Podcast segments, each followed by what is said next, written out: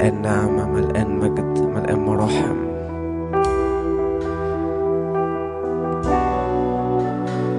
أتينا إلى الإله الحي.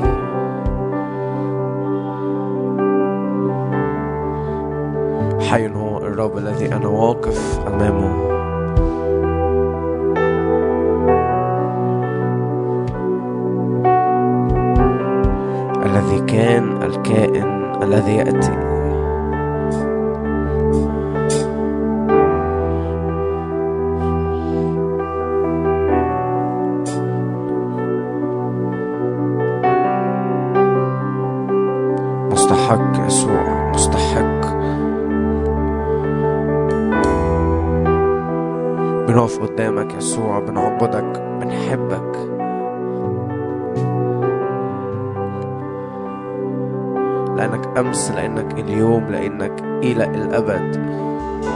ليس عندك تغيير أو ظل دوران؟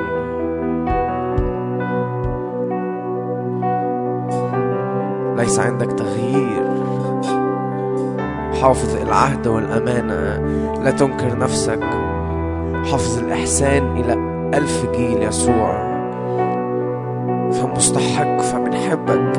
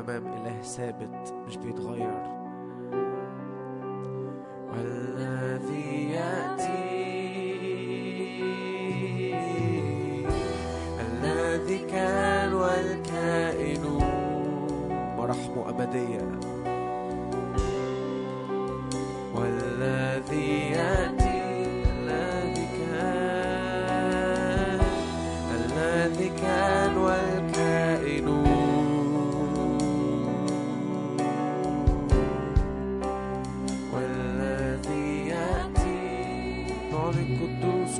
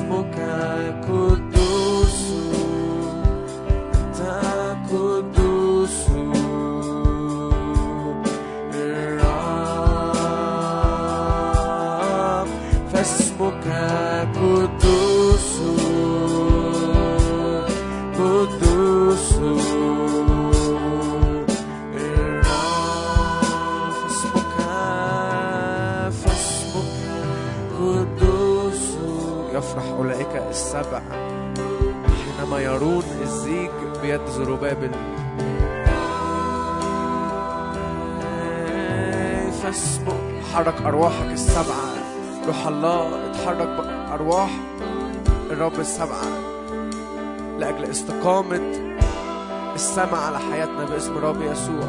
يفرح أولئك السبع حينما يرون الزيج بيد زروبابل قدوس تعامد السماء على أرضنا باسم رب يسوع. فاسمك قدوس.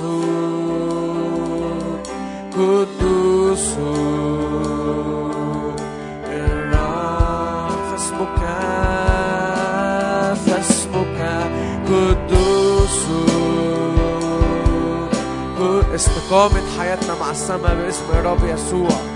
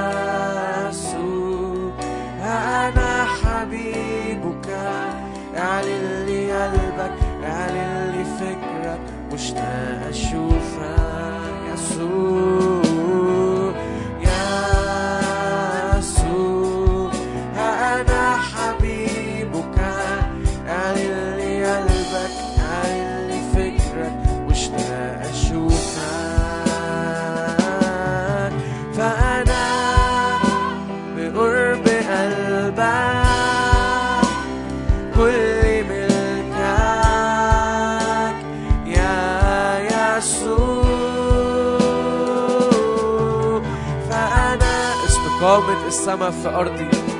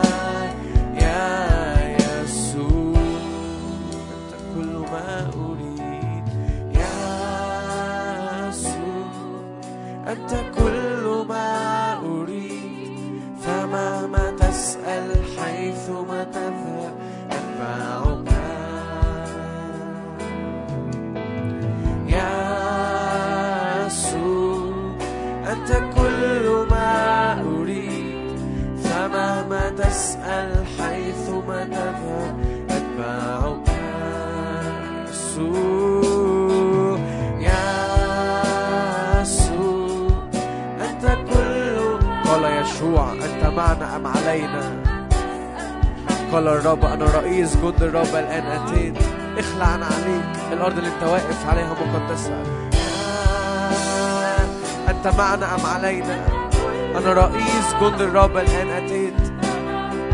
اخلع عن عليك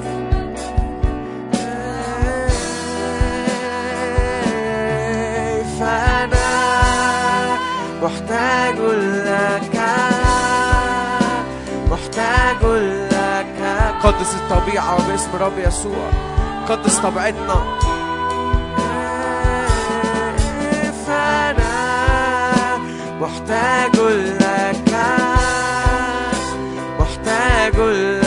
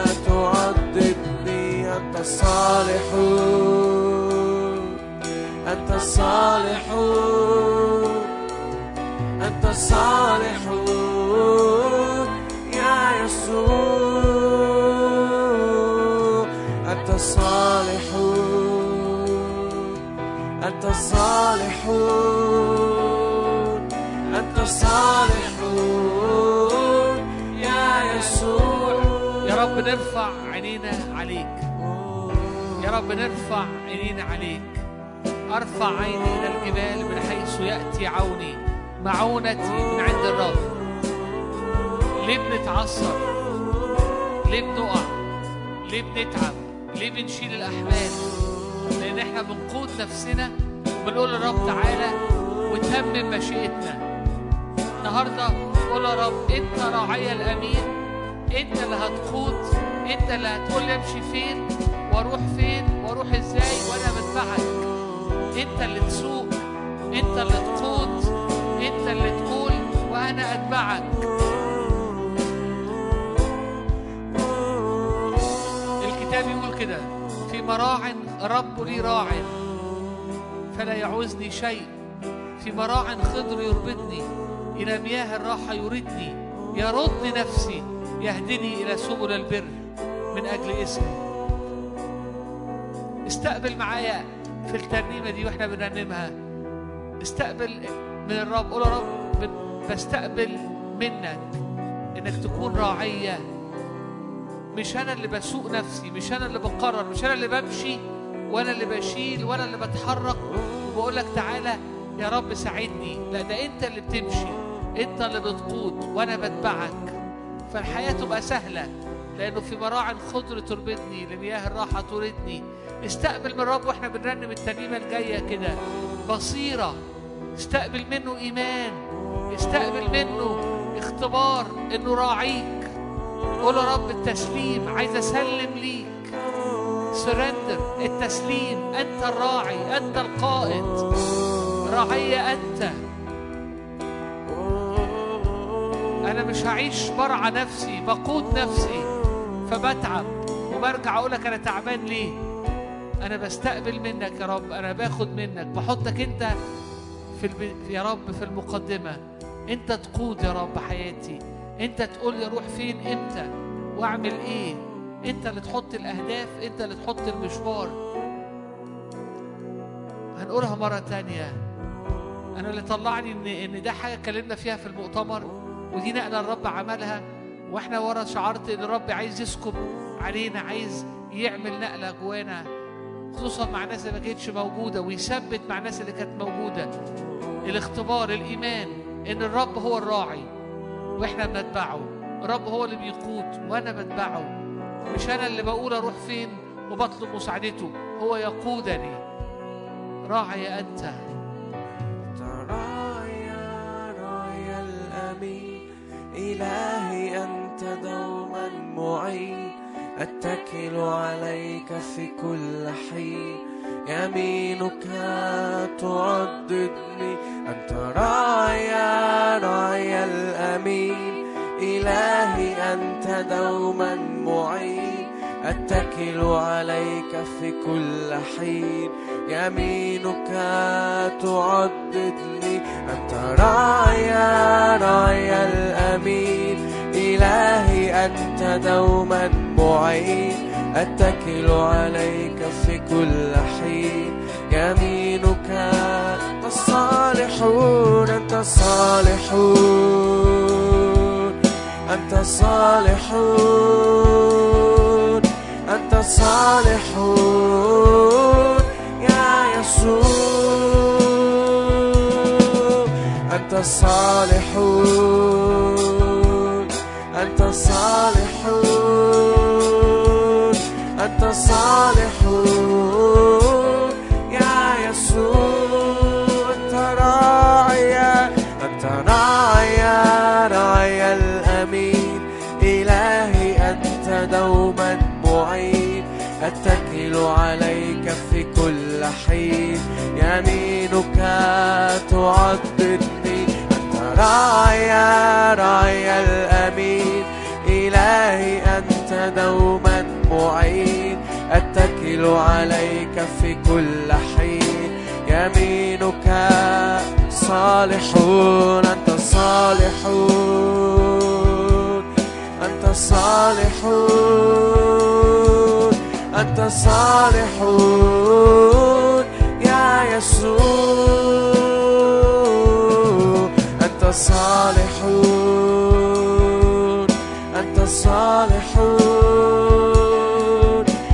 أنت صالحون يا يسوع إن سرت إن سرت في وادي ظل الموت.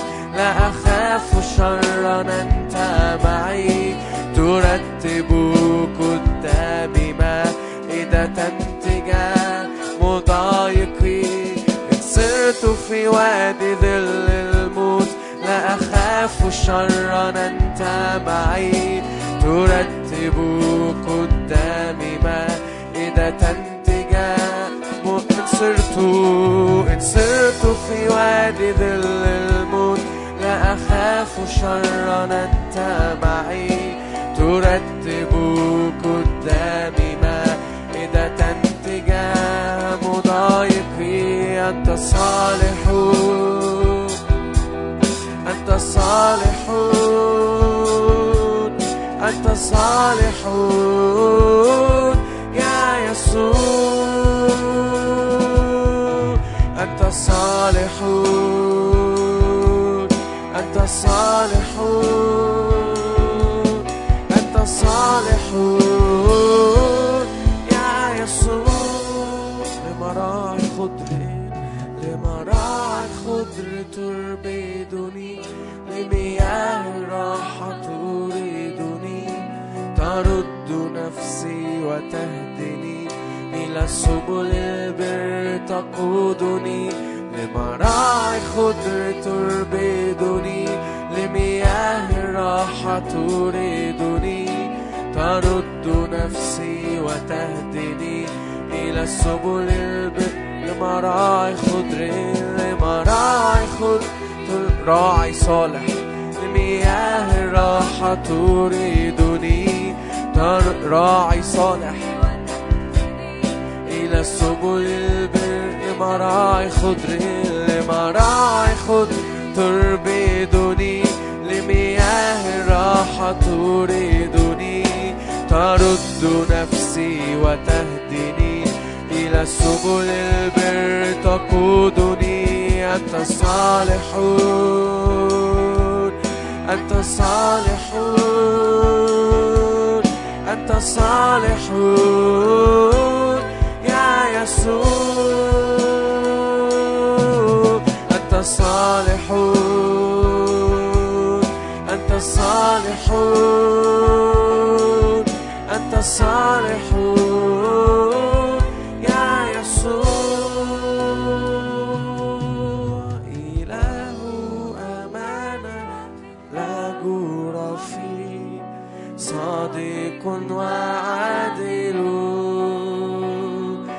الصخر الكامل صانعه أنت الرب الممجد. إله أمانة لا جور فيه صادق وعادل. أنت الصخر الكامل صانعه أنت الرب الممجد. نفرح نفرح بك يا إلهنا. نفتخر بك أنت عزنا. نفرح بك يا إلهنا. نفتخر بك أنت عزنا. تضيء سراجي تنير ظلمتي فلا تتقلقل قدمات تمنطقني تمنطقني بالقوة فيصير طريقي كاملا تضيء سراجي تنير ظلمتي فلا تتقلقل قدماي تمنطقني بالقوة فيصير طريقي كاملا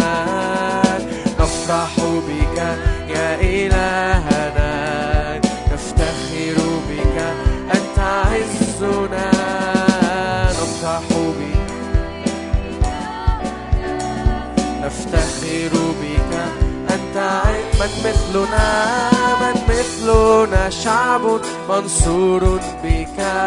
أنت الرب قوتنا تسحق أعدائنا تحت أرجلنا. وينتصب قرننا من مثلنا شعب منصور بك أنت الرب قوتنا تسحق أعدائنا تحت أرجلنا وينتصب قرن من مثلنا. من مثلنا شعب منصور بك أنت الرب قوتنا. تسحق أعدائنا تحت أرجلنا وينتصب قرننا. نفرح بك يا إلهنا. نفتخر بك أنت عزنا. نفرح بك يا إلهنا. نفتخر بك أنت عزنا نفرح بك يا إلهنا. نفتخر بك أنت عزنا نفرح بك يا إلهنا. نفتخر بك أنت عزنا. عراقيب تصير سهلا موجات تصير مستقيمة ويرى مجد الرب علينا. يفرح أولئك السبع حينما يرون الزيج بيد زروبابل موجات تصير مستقيمة ويرى مجد الرب علينا. تصير سهلة. موجات تصير مستقيمة. ويرى مجد الرب علينا. هو ذا الرب بقوة يملك في وسطنا. يحكم بذراع مجد. نملك ميراثنا. بقوة يملك في وسطنا يحكم بذراع مجد نملك ميرا هو ذا الرب هو ذا الرب بقوة. يملك في وسطنا يحكم بذراع مجد نملك ميراث عراقيب عراقيب تصير. سهلا مواجهة تصير مستقيمة. ويرى مجد الرب علينا. عراقيب تصير سهلا مواجهة تصير مستقيمة.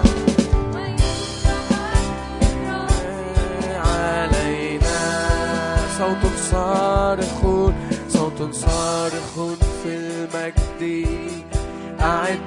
طريق الرب كل جبل في الكفر ينحني لصوت الرب صوت صارخ في المجد أعدوا طريق الرب كل جبل في الكفر ينحني لصوت الرب عراقيب تصير سهلة معوجات تصير مستقيمة ويرى مجد الرب علينا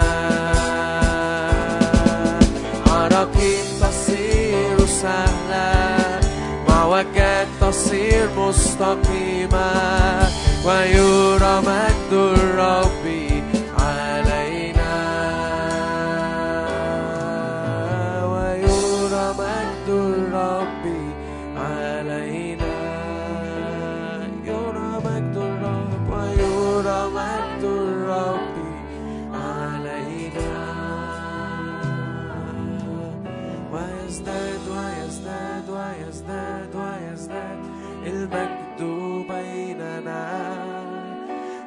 ويزداد ويزداد ويزداد ويزداد يسوع في وسطنا ويزداد ويزداد ويزداد ويزداد المجد بيننا ويزداد ويزداد ويزداد ويزداد يسوع في وسطنا زيت زيادة فيض علينا زيت زيادة dame la idea eh.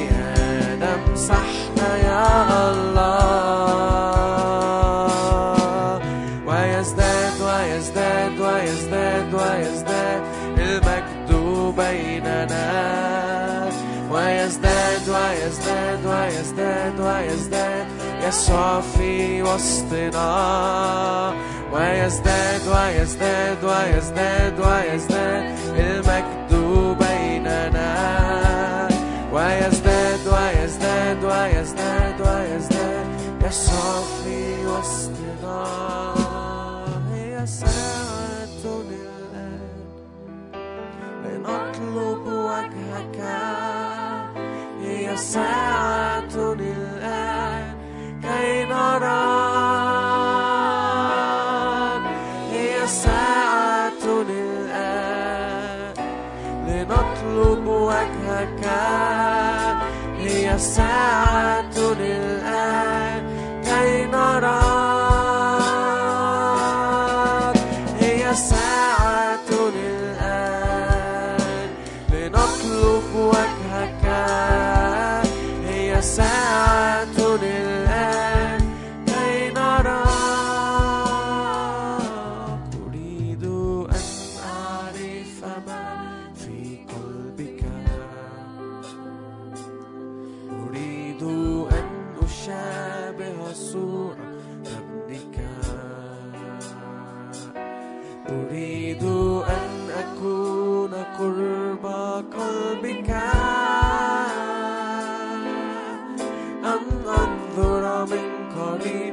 وأعاين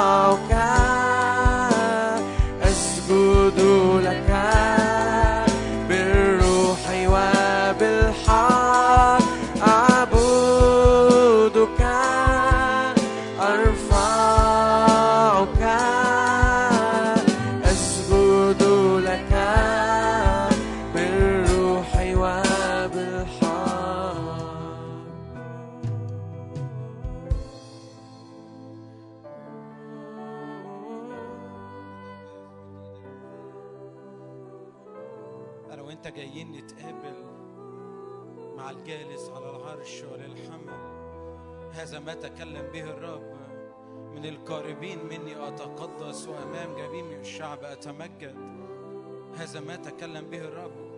دي كانت كلمة الرب لموسى. قال يا موسى من القاربين مني أتقدس وأمام جميع الشعب أتمجد. وهذا ما قاله داود. أمام الرب أتصاغر وعند الإماء أتمجد. فانا وانت اللي بيحصل قدام عرش النعمة أنا وانت بنقرب أكتر لعرش النعمة فتصاغر. تقول لي يعني إيه أتصاغر؟ يعني أقول لك يعني إخلع الأنا إخلع نفسك إخلع أفكارك إخلع ذاتك. اخلع كل تعود ورا الرب اخلع كل تعود كل تعود ده ده ده بي ده, ده بيودي ل ل لعبادة طقسية لعبادة روتينية بتفقد الروحانية وكل عبادة روتينية ليست عبادة بالروح لكن الآب طالب هؤلاء الساجدون بالروح وبالحق. فيخلع كل تعود انت متعود عليه. تعال تقابل معاه تعال قرب أكتر منه. قال كده من القاربين مني أتقدس وأمام جميع الشعب أتمجد قرب أكتر لعرش النعمة قرب أكتر لحضوره. قال له احوز نفسك إلى العلاء حينئذ تضحك على الفرس وراكبه. فارفع إيدك معايا كده قول له يا روح الله يا روح الله تعالى تعالى تعالى علقني بيك أكتر. تعالى يا روح الله اصعد. قال له كده اصعد إلى هنا فأريك. ولما صعد للوقت صرت في الروح للوقت صرت في الروح. يتكلم عن يسوع كده يقول لك كده وكان يصعد إلى الجبل كعادته وقف الشعب من معيد أما موسى فاقترب إلى الضباب حيث كان الله. فما تخافش تقرب ما تخافش تقرب من حضور الرب ما تخافش تقرب من عرشه. الكتاب يقول كده في دانيال عرشه نار بقرات نار. نهر نار جرى قرب قرب أكتر لحضوره قدام حضوره كل أمورك بتصغر قدام حضوره كل احتياجاتك بتلاقي لها حل قدام حضوره أنت وأنا بنتنازل عشان هو ياخد المكانة الأولى. فانسى نفسك انسى أفكارك انسى مكانك انسى زمانك انسى الكل وفكر فيه لا يا مرسى أنت تهتمين لأمور كثيرة ولكن الحاجة إلى واحد الحاجة إلى واحد فقرب أكتر للواحد يسوع قرب أكتر لابن الله قرب أكتر ليه؟ قول يا رب أنا عاوز ألتحم بيك حسكال قال كده وأنا عند المسبيين عند نهر خبور إذ السماوات انفتحت فرأيت رؤى الله. وإيمان النهاردة السماء مفتوحة عليا وعليك سماء مفتوحة على الاجتماع سماء مفتوحة على القاعة في اسم ربي يسوع. فمد إيدك معايا لقدام لأن رفعت إيدك هي فيها هزم العماليق. مش على حساب أمانتك ولا على حساب أنا كويس مع الرب لحد فين ولا على حساب أنا واخد خلوتي ولا لأ. على حساب هو الصالح على حساب هو أمين.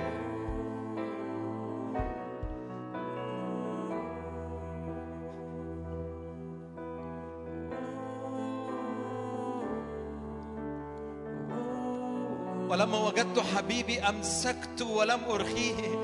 لأن الرخاوة لا تمسك صيد فامسك في الحبيب دلوقتي. امسك فيه التحم بيه.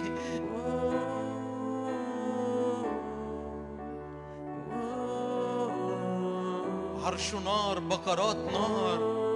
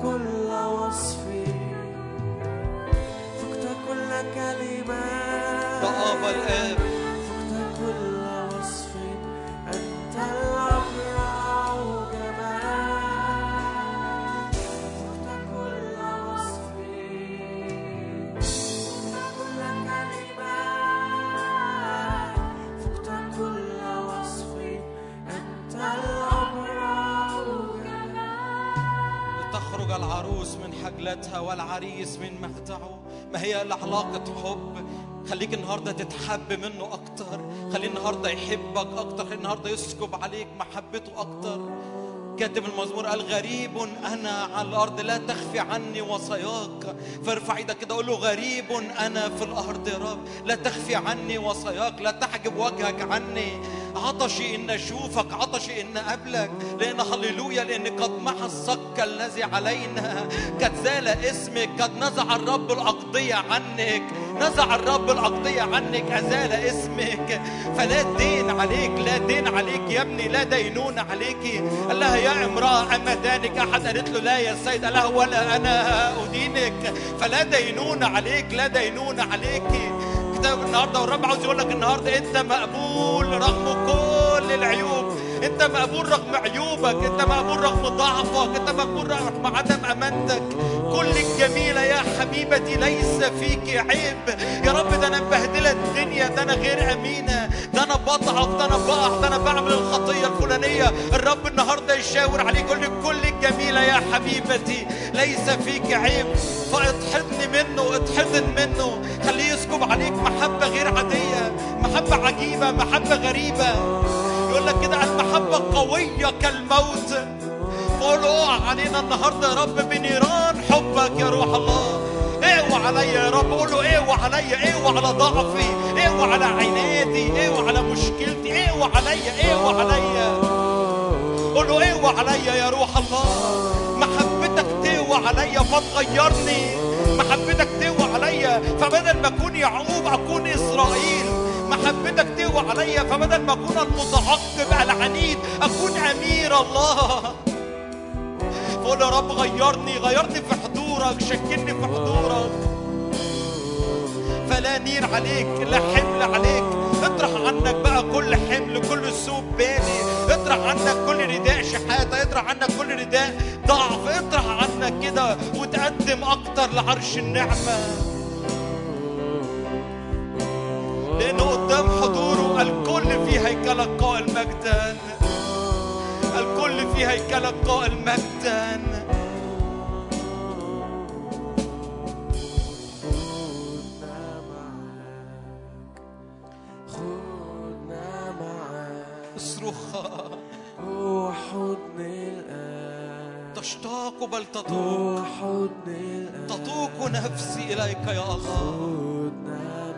لنيايه وقوتي خدنا ترنيمتي انشودتي روح حضنك قل خدني معاك يا روح الله. روح حضنك خدنا معاك. خدنا معاك خدنا معاك اذهب بنا إلى موضع خلالنا السريع. روح حضني الان جوه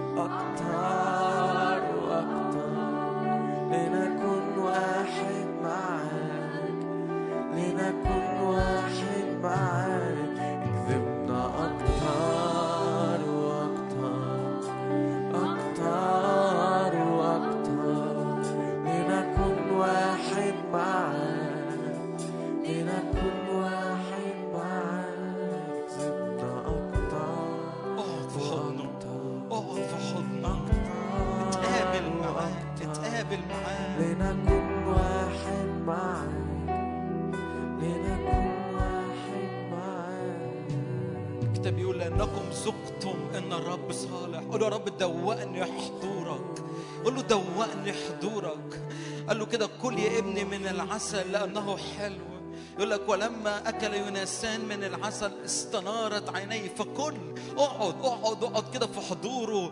استمتع بالعشرة استمتع بحضنه. الدفة خليه يدفيك النهاردة. فيك بلاقي الأمان فيك بلاقي نفسي فيك بلاقي أنا فيك بلاقي فيك بلاقي شخصيتي فيك بلاقي روحي فيك بلاقي قيمة الحياة فيك بلاقي أنا فيك بلاقي قيمتي.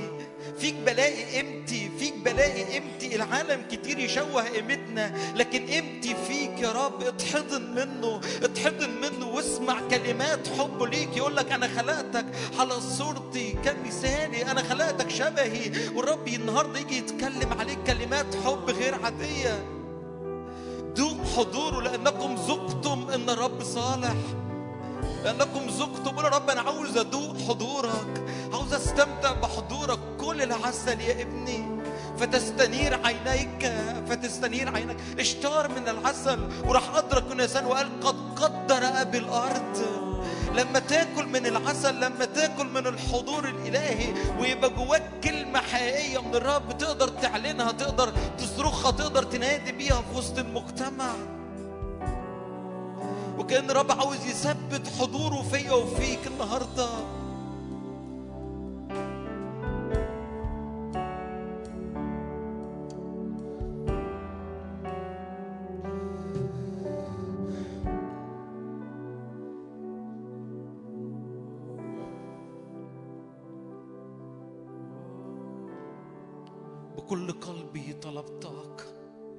بكل قلبي طلبتك يا رب أنا عاوز أنا عايزك يا رب أنا عايزك.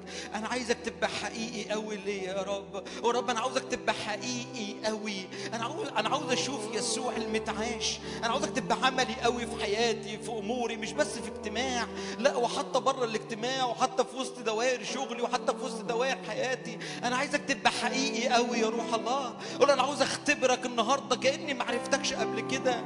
بولس يقول كده إن كنتم عرفتم المسيح حسب الجسد فلسنا نعرفه بعد لسنا نعرفه بعد. ده مين اللي قال ده؟ بولس. بولس بولس بيقول إن كنا عرفنا المسيح حسب الجسد فلسنا نعرفه بعد. قول له يا روح الله النهارده أنا عاوز أعرفك أكتر. قول يا رب النهارده أنا عاوز أشوفك أكتر. عاوزك تكشف عن نفسك أكتر. تكشف عن قلب الآب تكشف عن محبة بدون أسباب تكشف عن عرش النعمة. ما لم تراه عين ما لم تسمع به أذن ما لم يخطر على بال إنسان. هذا ما أعده الله اسمع للذين يحبونه فقول له يا روح الله أنا جاي النهارده أعشق روحي بروحك. اكشف اكشف يا رب. قول له اكشف عن ما لا تراه عين. ما لا تسمع به أذن. ما لا يخطر على بال إنسان. الكتاب يقول طوبى لعيونكم لأنها ترى ولا أذانكم لأنها تسمع. فارفع إيدك معاك كده قول يا رب أنا عايز أسمع عايز أشوف اللي أنت بتقول عليه. يا رب أنا عايز أسمع عايز أشوف اللي أنت بتقول عليه.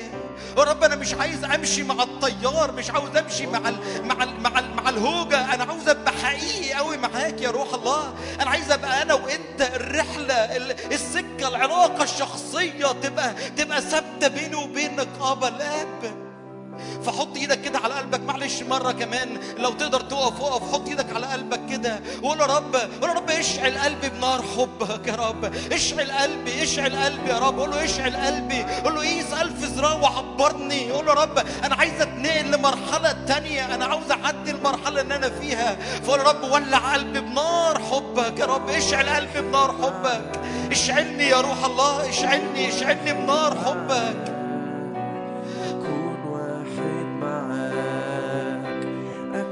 واحد معاك. طلع كلماتك طلع ترنيماتك طلع عناتك طلع اهاتك ورا الرب أكون واحد معاك. أكون واحد معاك. أكون واحد معاك. أكون واحد معاك. أكون واحد معاك. أكون واحد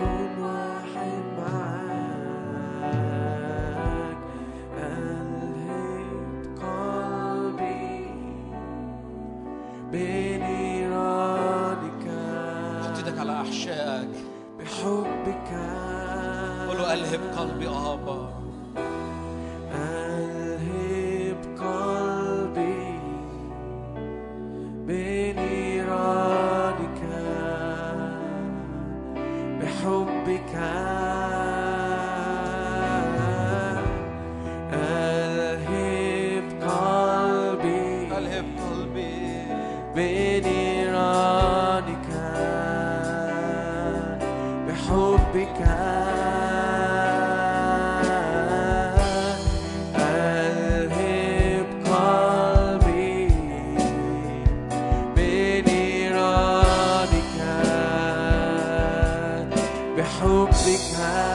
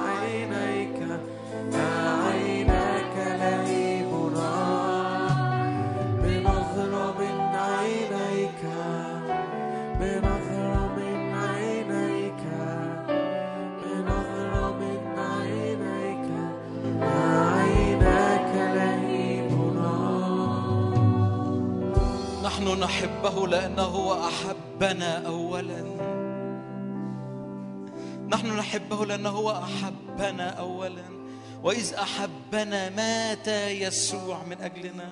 هللويا لأن بدون المحبة لم يكن عمل الرب. لأنه إذ أحبنا مات يسوع من أجلنا دفع الثمن من أجلنا.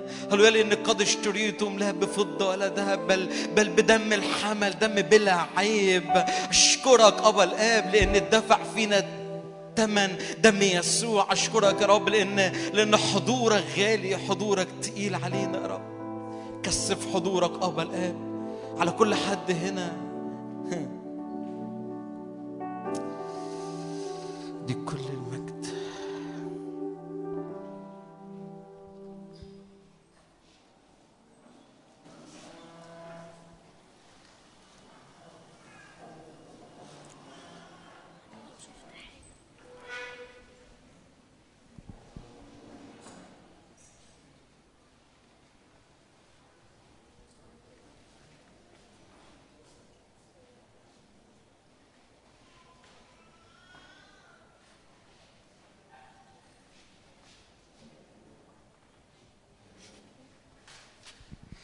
المجد طب في حد شاف حاجة في وقت التسبيح ينفع يشاركنا بيها؟ هو شاركني بس أنا أنا عاوزه أنا عاوزه هو اللي يشارك يعني. لأن في حاجة حقيقية ربنا بيعملها في وسطينا معرفش عنكم بس كان وقت غالي قوي إنك تقعد عند رجليه تقعد عند حضوره تقعد عند قلبه. فمرام ممكن تيجي تشاركي بس اللي أنت قلتيه آه، هو وقت التسبيح دلوقتي كنت شايفة يسوع معدي في كذا حد كان يعني مغمض وموطي وكده وبيركع على الأرض فيسوع كان بيحط إيده على راسهم و... يعني كذا حد هنا.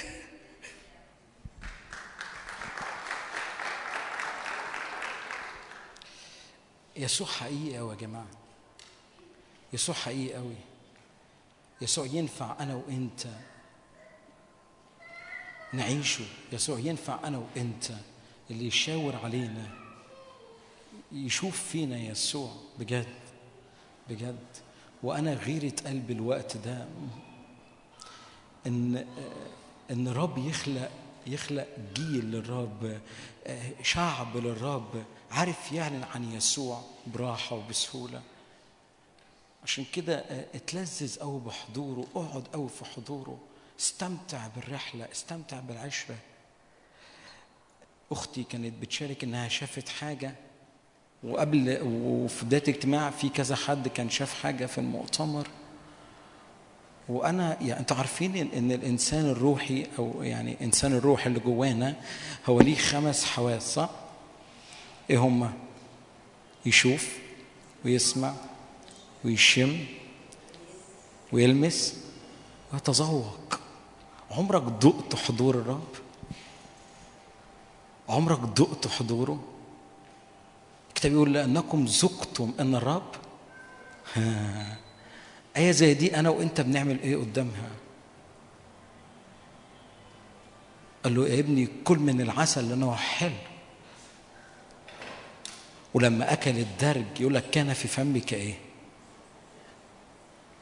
القصة حضور الرب مشبع حضور الرب حقيقي أوي يا جماعة حضور الرب مش مش مجرد اجتماع مش مجرد مزيكا عالية مش مجرد رفعة ايد. ممكن نكون حصرنا حضور الرب في شكل من الأشكال. وده تدين والتدين يفقدنا الروحانية. التدين يفقدني أنا وأنت الاستمتاع بحضوره. أنا جاي متعود واحد اتنين تلاتة دوق حضوره دوق حضوره. وده اللي كان الرب واخدني أنا وأنت فيه. معرفش عنكم بس ده وقت يعني ده زمن وده وقت فيه كأن الرب عاوز يبقى يمشي معاك مشوار شخصي بينك وبينه. مشوار شخصي بينك وبينه. مش متشاف مش مسموع محدش عارف عنه أي حاجة أنت والرب وبس. وانس إنك أنت قلت للرب okay ومشيت معاه السكة تبص تلاقي الرب عارف عارف عارف يجي عليك بكل اللي انت عايزه كل اللي هو عايزه ليك. وانت تقول أنا؟ مين؟ وأنا؟ أنا إيه؟ أنتوا نايمين ولا مش موجودين؟ دي ترنيمة. وأنا؟ أكون اللي انت بتقول عليه. فلازم أعرف انت بتقول أنا مين. فلو وطيت على ناس هنا قلت لهم أنت مين في الرب؟ قصة انت لازم تبقى فاهم وعارف تتحرك ورا الرب الروح. عارف تبقى فاهم أنا ماشي إزاي أنا بتحرك إزاي. وأنا ما أعرفش عنكم بس أنا أنا عن نفسي عطشان وجعان إن بلدنا فهمني مش تتملي اجتماعات ومؤتمرات وبس. بلدنا تتملي بحضور الرب الحقيقي الحقيقي. عارفين تخيلوا معايا كده لو إحنا في القاعة مثلا 80 90 واحد وكل تلات بنيجي وبنحضر. عارفين لو الرب فينا حقيقي يوم الأربع التسعين كل واحد فيكم هيقابل على الأقل خمسة أو عشرة يكون بيأثر فيهم. وهنا ملكوت الرب يزداد ويمتد. يوجد من يفرق في إيه؟ فيزداد ودي آية. يعني إيه يوجد من يفرق فيزداد؟ يعني اللي ناخده هنا أنا ما ينفعش آخد هنا وأحطه جوايا وأروح أنام وأشرب عليه كوباية مية ساعة وإن الله فاهمين حاجة؟ بتضحكوا شكلكم بتعملوا كده. وهناك خطورة يا جماعة هناك خطورة. هناك خطورة إنك أنت اللي بتاخده هنا مش بتفرقه على أخواتك اللي بره. مش بتفرقه على على على على الشعب الساكن في الظلمة مش بتسلقوا مش مش بتفرقوا على على على على الناس اللي عطشانة مش بتفرقوا على الناس اللي معمية مش بتفرقوا على الناس اللي, اللي إله هذا الظهر قد أعمى. أذهانهم. يعني أروح أكرز وأعمل بتاعه كده. أنا ما بقولكش أعمل كده أنا بقول لك خليك حقيقي ورا الرب. عارف وانس إنك حقيقي ورا صدقني صدقني. وانس إنك حقيقي اللي هيتخبط فيك هيشوف فيك يسوع. صدقني هيشوف فيك من غير ما تعمل اي حاجة من غير ما تعمل اي حاجة هو هو يعني يعني يعني لما كان كان خيال خيال مين؟ كان خيال بطرس كان بيشفي المرضى كان بيعمل حاجة؟ هو كان بيكرز عمركم فكرتوا اشمعنى خياله يشفي المرضى؟ انت خيالك بيتعدى وبيتداس عليه صح؟ أنا وأنت يعني مش مش مش بدينك يعني. فهمني. بس لأن بطرس كان كان كان حقيقي قوي في مشواره الروحي بينه وبين الرب. وشعب الرب مش معروض ليه يكون غير مؤثر في العالم. شعب الرب مش معروض ليه ما يكونش وزي ما كنت بصليها معاك ما يكونش مولع بنار طول الوقت. الكتاب يقول كده آه إزيكم الأول؟ عاملين إيه؟ حلوين؟ مين ما جاش المؤتمر بتاع فاتكم كتير قوي بجد. فاتكم كتير قوي فعلا يعني المؤتمر كان حلو قوي. خلينا في موضوعنا.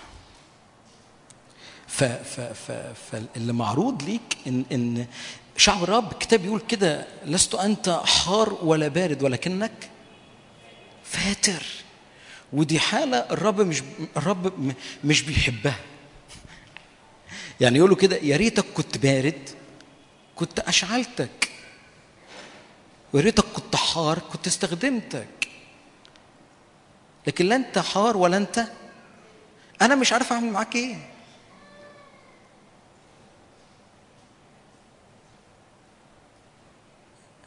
أنا مش عارف أتع... يعني أتعامل معاك إزاي؟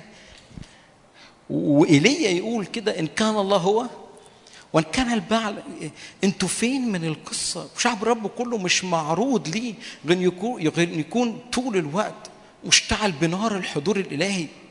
تقول آه يعني لما نيجي اجتماع ومارتن يبقى واقف ويقودنا في تسبيح ناري أقول لك حلو رائع بس وأنت بره بقى وأنت لوحدك إيه أخبار الحضور الناري معاك؟ إيه أخبار قلبك المشتعل ورا الرب؟ بيصرخ يقول تشتاق بل تطوق نفسي. أنا أنا عطشان أنا جعان. تعال معايا مزمور 68 قبل ما أبدأ معاك هقرأ معاك آية. مزمور 68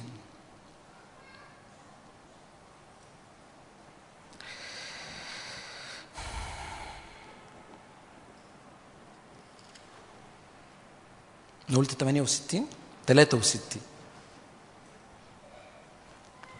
ده مزمور لداوود.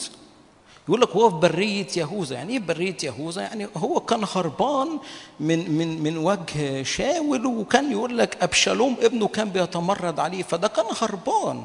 حالته كان كان في حرب كان في ضيق كان في ضغطة كان في أمور مش مش أجواء فيها ينفع يطلب الرب شاول بيحاربه أبشالوم بيتمرد عليه. فأعمل إيه؟ أروح فين؟ أنا عليا حرب. أنا عليا ضغط نفسي أنا عليا مشاكل. تعرفوا ناس بتقول كده؟ أكيد مش إحنا. أوكي. داود راح قال قال يا إلهي إلهي أنت إليك أبكر. ده إيه ده؟ ده أنا أبكر ليك يا رب. إيه يا داوود ده؟ أنت وظروفك وحربك ومشاكلك ودي. طب أنت ليه ما جيتش حبيبي الاجتماع اللي فات؟ أصلا أنا كان عندي ده داود أنا بيقول إليك ابكر أنا في وسط ظروفي وأنا هربان وأنا في حد بيطاردني وأنا في أمور حرب وأنا في ضغط نفسي وأنا مش عارف أعمل إيه مش بلاغ غير حضنك أجري عليه مش بلاغ غير قلبك أجري عليه.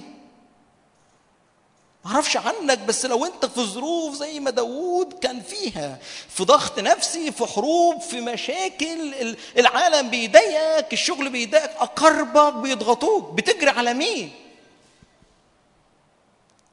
هناك خطورة لو انت بتجري من الرب مش إلى الرب.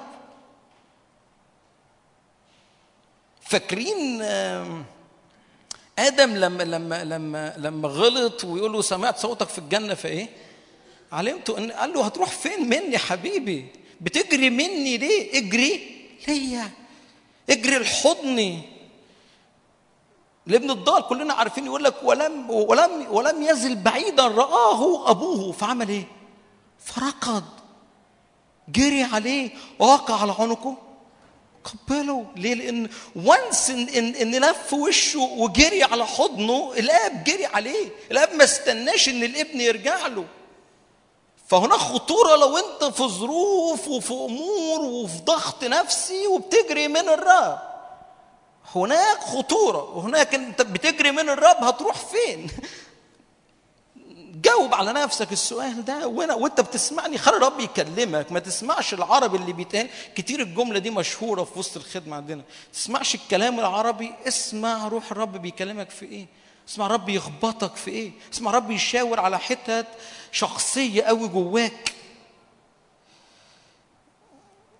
فهناك خطورة. لو انت بتجري من الرب اجري إلى الرب ما تجريش من حضنه اجري لحضنه. حضنه يدفيك حضنه يغيرك حضنه يلمسك لمسات نارية فيشعلك. هحكي لك.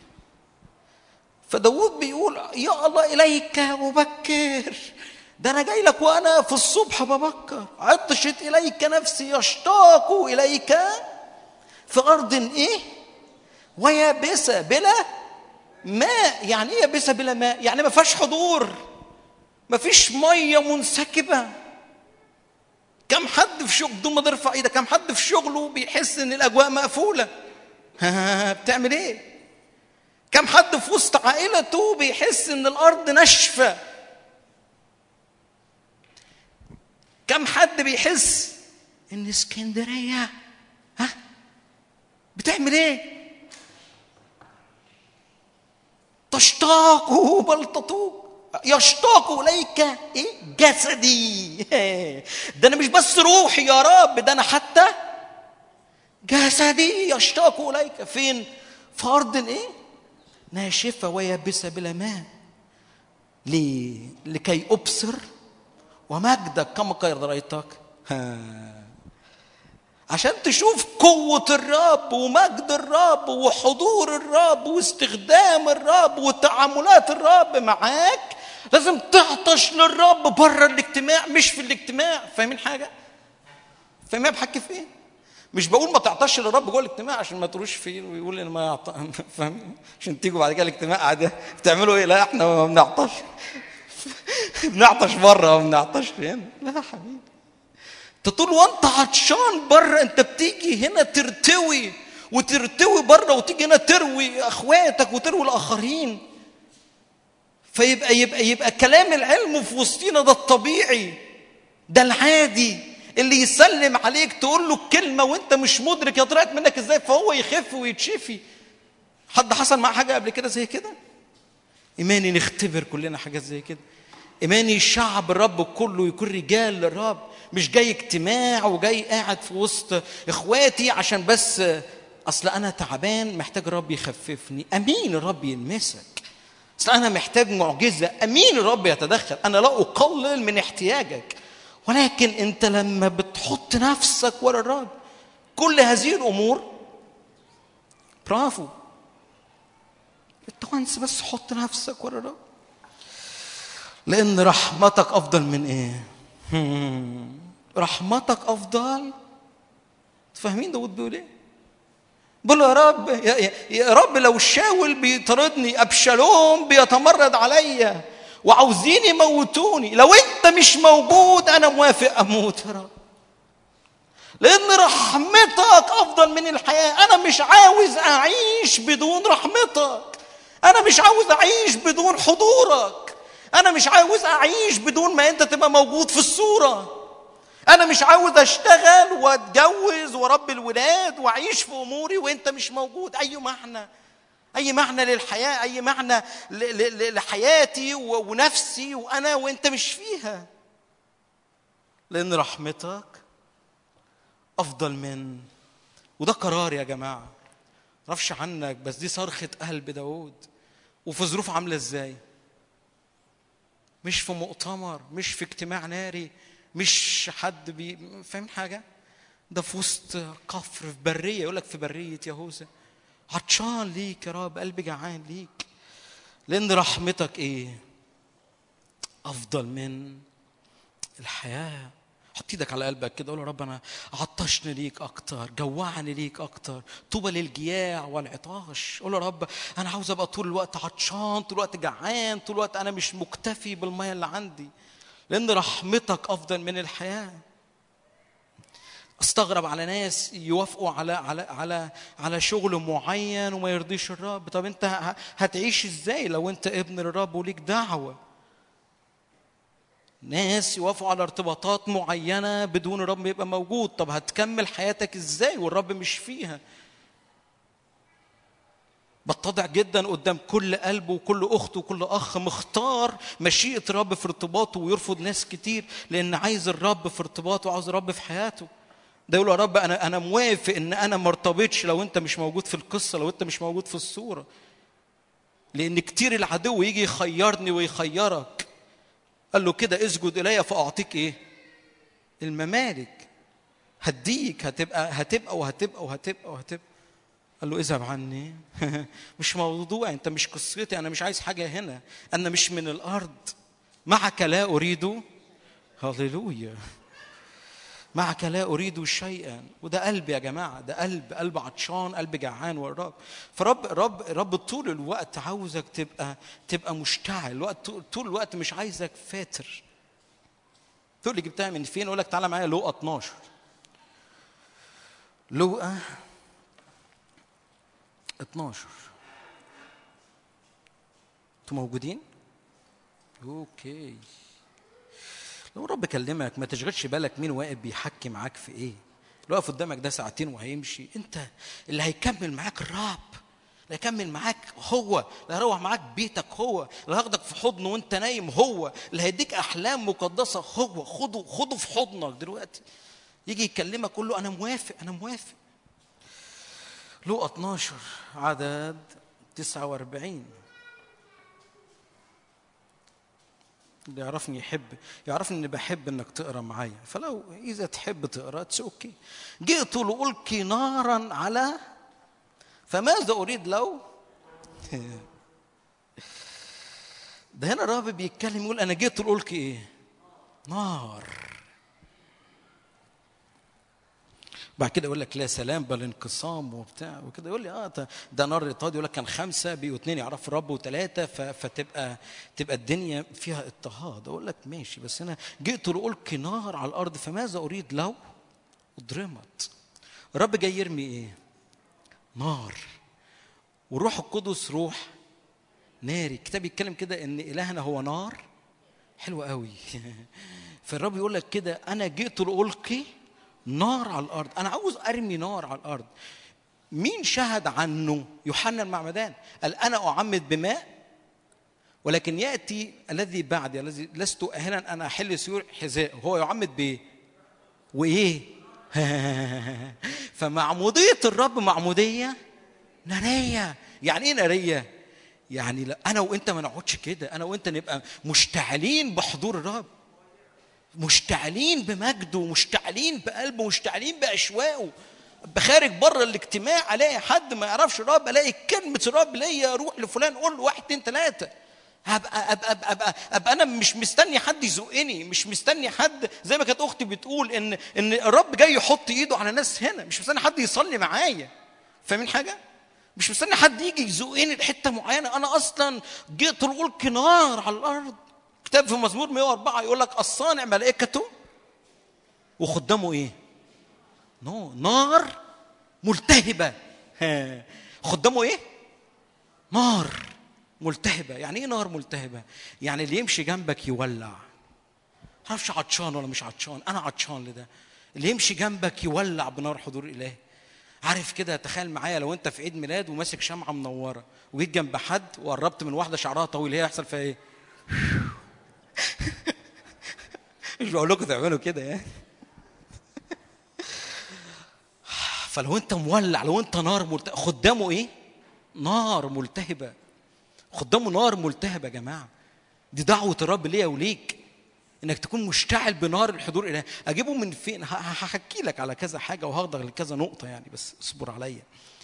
خدامه نار ملتهبة. يعني إيه نار ملتهبة؟ يعني أنا أنا مشتعل. اللي يقعد معايا يحكي معايا يلاقي جوايا حاجة خارجة في نهر نار جري. أنتوا عارفين إن عرشه نهر نهر نار؟ الكتاب بيتكلم كده في دانيال سبعة مش عاوز أقلب معاك يعني كتير يعني. ف ف ف فتبقى أنت نار ملتهبة نار مشتعلة. اللي يجي جنبك تشعله اللي يجي جنبك أول ما يلزق فيك يلاقي فيه لهيب نار خارج منك. فهو يحصل فيه إيه؟ بدون ما أنت تقصد يا جماعة. لو أنت في عيد ميلاد وماسك شمعة من غير ما تقصد ممكن فاهمين حاجة؟ ممكن تولع في شعر اللي جنبك من غير ما تقصد فاهمين حاجة؟ وأنا عطشان ان نولع في بعض من غير ما نقصد. فاهمين؟ أنا فاهم احكي في إيه ولا إيه؟ يعني ردوا عليا يا جماعة. كل واحد يخاف على شعره دلوقتي. لا يعني انت فاهميني ها؟ فنبقى أنا أنا عطشان ان نولع في بعض يعني نولع في ونولع في العالم كمان. أنا خدامه نار ملتهبة. تخيل معايا كده إن واحد واحد في شغله في شركة معينة هو كتلة نار اللي يقرب منه يشتعل. واحد في عربيته كتلة نار يعدي على السايس يشتعل. واحد في في المواصلات كتلة نار فالميكروباص كله يكون مشتعل. يعني مش يعني يتغير. يعني يتنقل ورا الرب يتقابل مع الرب الروح. جئت الألك نارا على الأرض. وبالمناسبة دي مسحة الإنسان يسوع. تعرفين إن في العرش في أربع مسحات مش حكي عن مسحة الإنسان بس أنا في أربع مسحات مسحة الأسد والنسر والطور. وإيه تاني؟ أسد نسر طور إنسان. مسحة الإنسان. تقولي جبتها من فين؟ أقول لك تعالى معايا متى 12 متى 12 معرفش عنكم بس أنا لو مكانك حط إيدي على قلبي أقول يا رب اشعلني أنا غيران يا رب تشعلني متى 12 عدد 14 فلما خرج الفريسيون تشاوروا عليه لكي يهلكوه. ده مين؟ يسوع. في مؤامرة عليك يا يسوع. ده عاوزين يهلكوك. فإيه اللي حصل؟ اقرأ معايا يا بليد فعلم يسوع. يسوع عمل إيه؟ علم. ده كلام علم يا جماعة. فاهمين حاجة؟ تقول لي آه ده يسوع. أقول لك آه بس يسوع الإنسان. تفهمني بحكي في إيه؟ فعلم يسوع. فتبقى أنت في شغلك عارف الرب يديك كلام خاص لك- لكل مؤامرة بتدور عليك في شغلك وفي أمورك وفي دنيتك وفي السلب اللي بيحصل معاك وفي قراراتك في حياتك. فعلم يسوع وانصرف من هناك. وتبعته جموع كثيرة فايه فشافهم إيه؟ شايفين إيه يا جماعة؟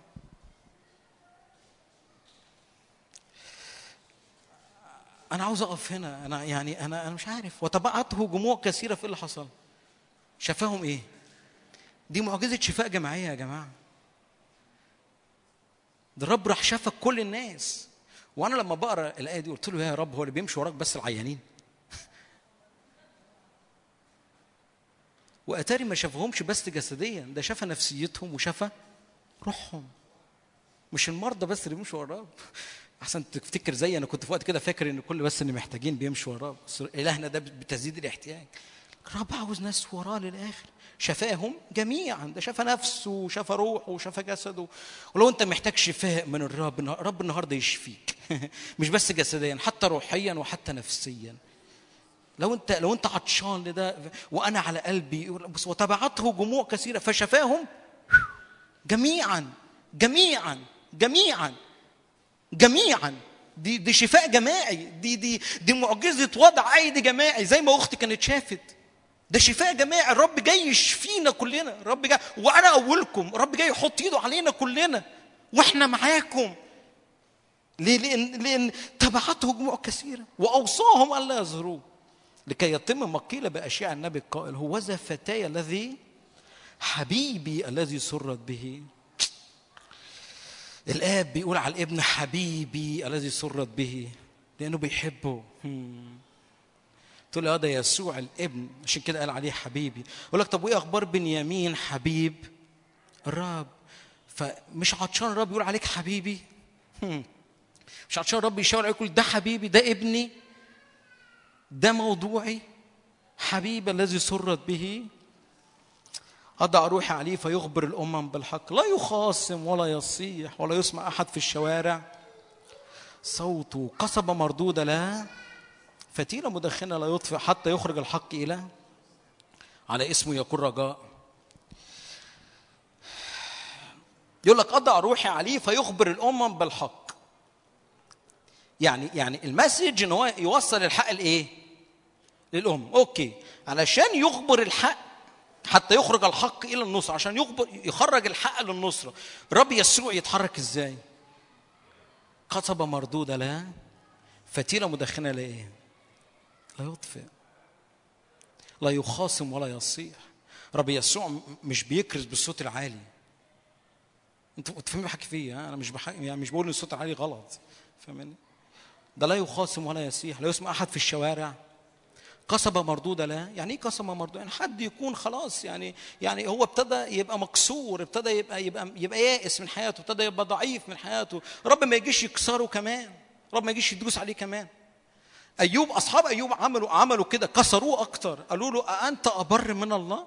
كده أنت عملت حاجة غلط عشان كده جات لك كل هذه المصائب. أصحابه عملوا كده كسروه أكتر. لكن الرب يسوع مسحة الإنسان يسوع لا يكسفك ولا يكسرك ولا يتركك حتى لو أنت على تكة. يقول لك قسمه مردوده لا؟ ما بيكسركش ده بيجي يجي يجي يقيمك من جديد يجي يصلبك من جديد يجي يسندك من جديد. وفتيلة مدخنة لإيه؟ يعني إيه فتيلة مدخنة لا يطفئ؟ يعني فتيلة كانت مشتعلة بنار. فتيلة مولعة. خادم لرب بيتحرك وبيجري ابتدى ينطفي بنعمل إيه معاه؟ بنبعد وإحنا مشتعلين لوحدينا هو ولا إيه الأخبار؟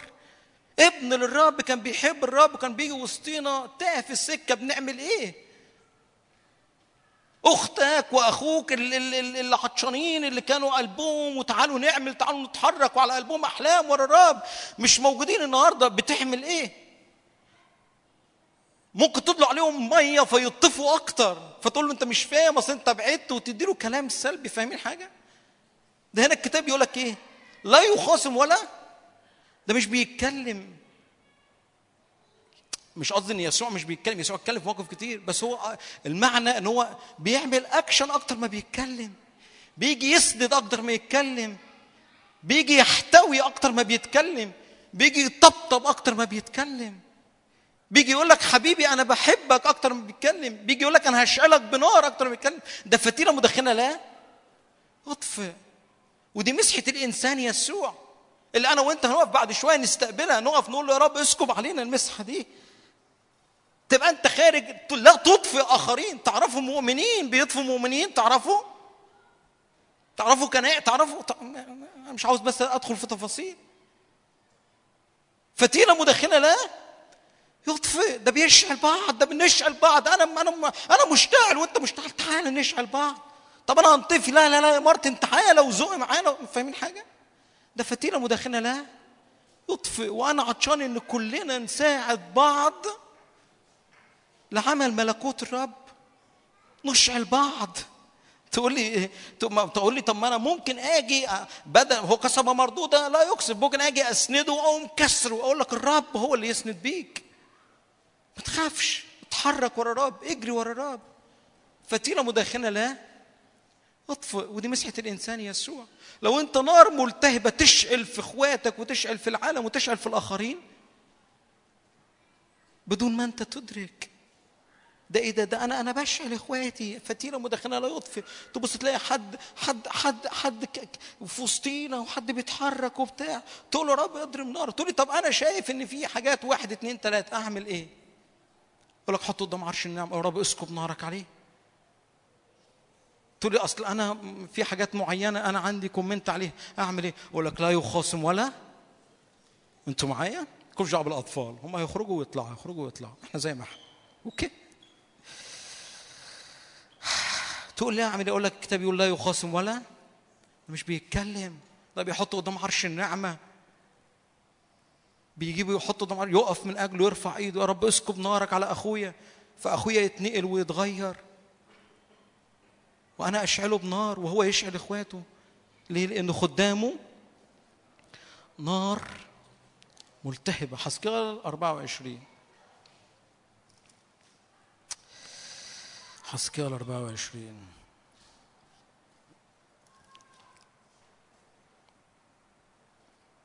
الكتاب يقول كده جئت القي نارا على الأرض وماذا أريد لو أضرمك؟ إيه اللي يضرم النار يا جماعة؟ يعني إيه تضرم؟ يعني تشتعل. يعني إيه تضرم؟ يعني يعني تلتهب. يعني إيه تضرم؟ يعني تبقى أنت تزداد في الاشتعال. حسكال 24 عدد 10 كسر. اقروا معايا. كسر اضرم. اللي يضرم النار إيه؟ كتر الحطب تقول لي وإيه الحطب أقول لك نفسك أحلامك خدمتك مستقبلك ولادك فلوسك دعوتك مشكلتك. حطها قدام الرب تقول لي أنا بخش آخد خلوتي بحس إن أنا مش سامع ومش شايف. كم حد بيحس كده؟ فبتعمل إيه؟ بتبطل تاخد الخلوة صح؟ نو. ادخل قول يا رب أنا مش سامع ومش شايف. اضرب نارك اعمل إيه؟ حط نفسك. قول يا رب أنا جاي أحط نفسي. طب لسه ما ولعتش.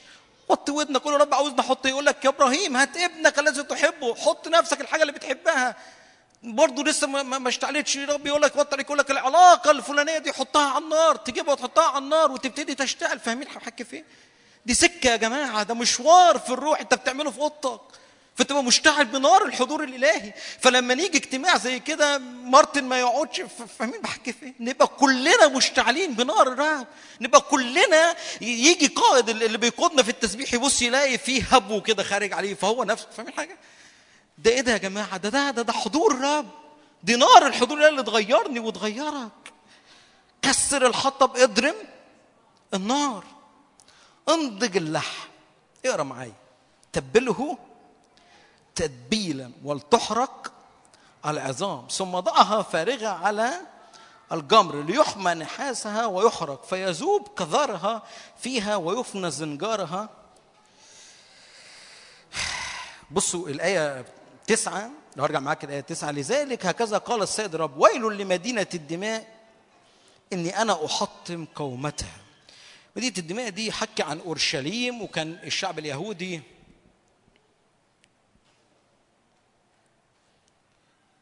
الشعب اليهودي كان بيحتمي في أورشليم وبيحتمي في أسوار أورشليم النحاسيه فهو كان كان كان كان شايف كده إن لو مش عاوز أرجع لأول الإصحاح يعني. بس هو يعني كان بيحتمي في الأسوار النحاسيه دي. فهنا يقول لك يكمل يقول لك ويل لمدينة الدماء الذي أنا احطم قومتها وبعد كده يقول لك انضج اللحم تبله تتبيلا ولتحرق العظام. ثم ضعها فارغه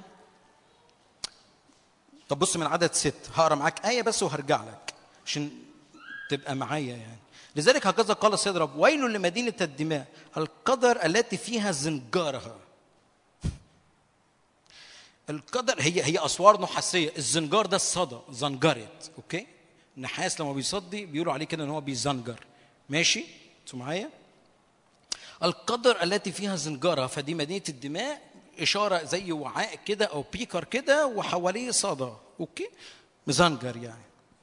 لذلك كسر الحطب اضرم النار انضج اللحم تبله تتبيلا ولتحرق العظام ثم ضعها فارغة على الجمر ليحمى نحاسها ويحرق عشان النحاس يعمل إيه؟ أوكي فيذوب قذرها فيها ويفنى زنجارها المعنى إيه؟ ده أنا عاوز أقول لك عليه لما تكتر الحطب والنار تضرم يحصل حاجتين أنتوا معايا؟ يحصل حاجتين إيه الحاجتين اللي يحصلوا؟ واحد انضج. اللحم يبقى في نضوج. نضوج لإيه؟ للحم. إيه اللحم؟ كلمة الرب الحق الكتابي. لما تشعل عليه نار ينضج. يكبر فيك كلمة رب يكبر فيك الحق الكتابي. تبله إيه؟ تتبيلا. يعني إيه تبله تتبيلا؟ نحط عليه توابل. عارفين لما عارفين لما بتعدي قدام كبده الفلاح؟ أنا يعني بص أنا أنا جاي من تحت خالص يعني.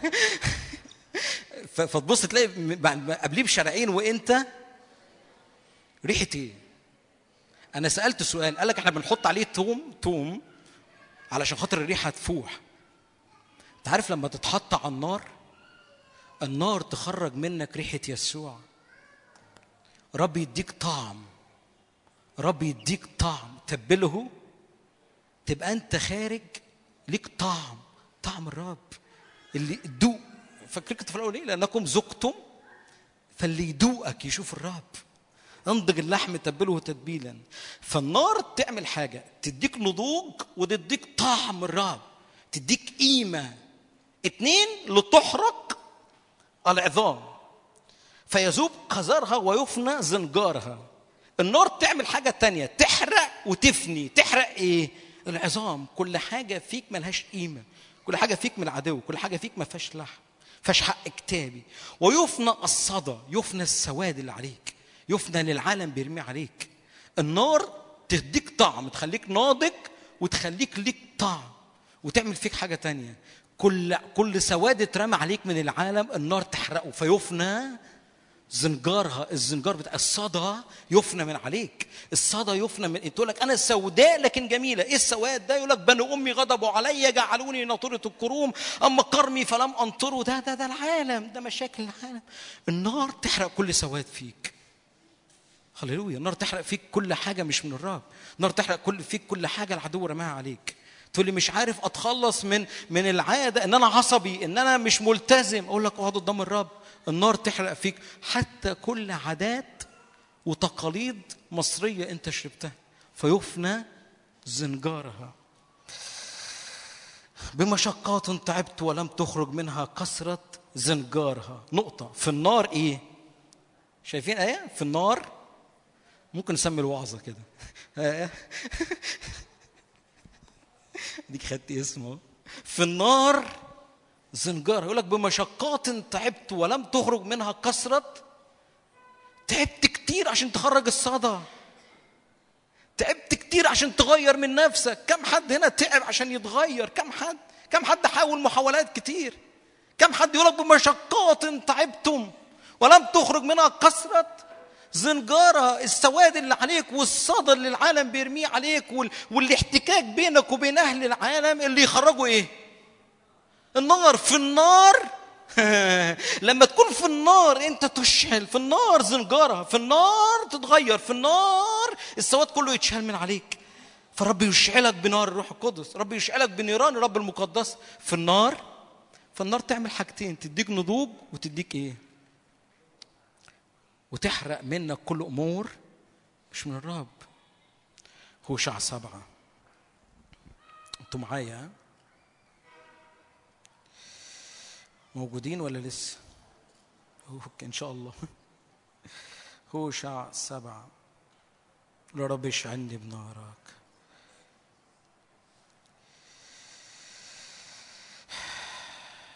له كلمني اختبرني. في النار زنجارها. هوشع سبعة عدد ثمانية. إفرايم يختلط بالشعوب. إفرايم صار خبز ملة لم يقلب. افرايم ده كلنا عارفين ده ابن يوسف. معنى اسمه الذي يجعلني مثمرا في أرض مذلتي. افرايم عمل إيه؟ مشكلة افرايم إيه؟ اختلط بالشعوب. فصار خبز مل لم يقلب. يعني إيه ما اتقلبش يعني ما تسواش ما تسواش على إيه؟ على النار. اللي ما يضرمش النار فيك إنك تختلط بالشعوب. حكي لك. إفرايم صار خبز مل لم يقلب ما اتقلبش على النار. لو مش عاجبك في النار زنجرة خدي خبز مل لم يقلب. إفرايم يختلط بالشعوب. اختلاط إفرايم بالشعوب جعلوا خبز مله يعني إيه خبز مله يعني ملوش طعم. عارف أنت لما يبقى رغيف خبز كده مستوي من حتة يكاد يكون هيتحرق والحتة التانية ملوش طعم. مع إن في النار بتعمل إيه تتبله تتبيلا لكن هنا هو ما اتقلبش على النار. يقول يعني إيه ما اتقلبش على النار؟ اللي عاوز تقوله إن أنا أتقلب على النار؟ يقول لك يعني لما تيجي اجتماع زي كده تقف وتصلي وترفع إيدك وتفرح بالرب وتبقى واخد حاجة حقيقية من الرب. وإنسان الروح بتاعك يتسع. تخرج بره حد يكلمك تلاقي النفسية خرجت بخت. تعرفوا ناس كده؟ لازم تكون حقيقة يا جماعة. لازم شعب الرب يبقى حقيقة قوي مش بس روحيا روحيا نفسيا جسديا. تتقلب على النار. يعني إيه؟ يعني آجي اجتماع زي كده أتقلب. خلي الرب يقلبني. يقول له رب قلبني على النار. قلب روحي قلب نفسي قلب جسدي. خلي النار تلمس كل حتة فيا. صار خبز ملة لم يقلب. ليه؟ لأنه اختلط بالشعوب، مزمور 106 يقول يقول كده لأنهم لأنهم اختلطوا بالأمم وتعلموا تعليمهم، إفرايم اختلط بالشعوب الوثنية، إفرايم اختلط بالشعب، فصار خبز ملة لم يقلب، ما اتقلبش على النار. وأنا وأنت عطشان النار تيجي تقلبنا، أنا وأنت نتقلب على النار كمان شوية. عارف عارف تستوي من كل حتة كده، فاللي يدوقك من راسك يلاقي ليك طعم، ومن رجليك يلاقي ليك طعم، فاهم أنا بحكي في إيه؟ لازم لازم لازم شعب الرب يكون يكون ليه طعم الزمن الجاي يكون ليه قيمة الزمن الجاي. هيديك قيمة ولا هيديك طعم؟ هي حضورك في النار. لأن في النار زنجارها سواد كل سواد ينزل كل ألم ينزل كل ضعف ينزل. لا تختلط بالشعوب يا فرايم أكل الغرباء ثروته وهو لا يعرف. قد رش عليه الشيب وهو لا يعرف. يعني إيه مين هم الغرباء؟ ما هو العدو سلب سلب سلب سلب ليه يا إفرايم بتتسلب؟ لأنك مختلط بالشعوب. أكل الغرباء إيه؟ ثروته. ده إيه ده؟ ده سوا. قد رش عليه الشيب وهو لا يعرف. يعني يعني كبر أيام. في الآخر تقول له عملت إيه للرب يقول لك ما عملتش حاجة. تعرفوا ناس كده؟ عمرها بيجري وسنينها بتجري وفي الآخر ما عملتش حاجة للملكوت؟ قد رش عليه الشيب وهو لا يعرف. ما عندوش إدراك. عمال يتسلب أيامه بتتسلب شغله بيتسلب فلوسه بتتسلب أكل الغرباء إيه؟ ثروته. وهو لا يعرف. ليه مش عارف؟ لأنه مختلط بالعالم. لأن مخلي العالم جواه وهو عايش في العالم. لأن لأن رش عليه الشيب وهو لا يعرف. ده إيه ده؟ ده وهم لا يرجعون رب إلههم. ليه؟ لأن اختلاطه بالعالم اختلاطه بالشعوب. انت انت انت انت محتاج تختلط بالعالم لتؤثر في العالم لا لكي لا تتأثر بالعالم. فاهمين حاجة؟ في يوحنا 17 يقول لك كده احفظهم من العالم لست أسأل من الع... لأجل العالم أنا أسأل من؟ من أجلهم. تعرفين رب يسوع مش بيصلي من أجل العالم؟ أنتوا مش مصدقيني ولا إيه؟ أنا جوايا حاجات كتير قوي مش مش هقول كل اللي جوايا. أنا يعني هقرا معاك الآية دي واقرا معاك حاجة تانية وهختم لأن أنا عطشان نقف أكتر. أنا طب معايا يوحنا 17 عشان انت مش مصدقني رب يسوع مش بيصلي من أجل العالم. يوحنا 17 زي ما وعدتكم أنا مش هقول كل اللي جوايا. لو قلت كل اللي جوايا هنمشي الساعة 11 آه يوحنا 17 عدد تسعة.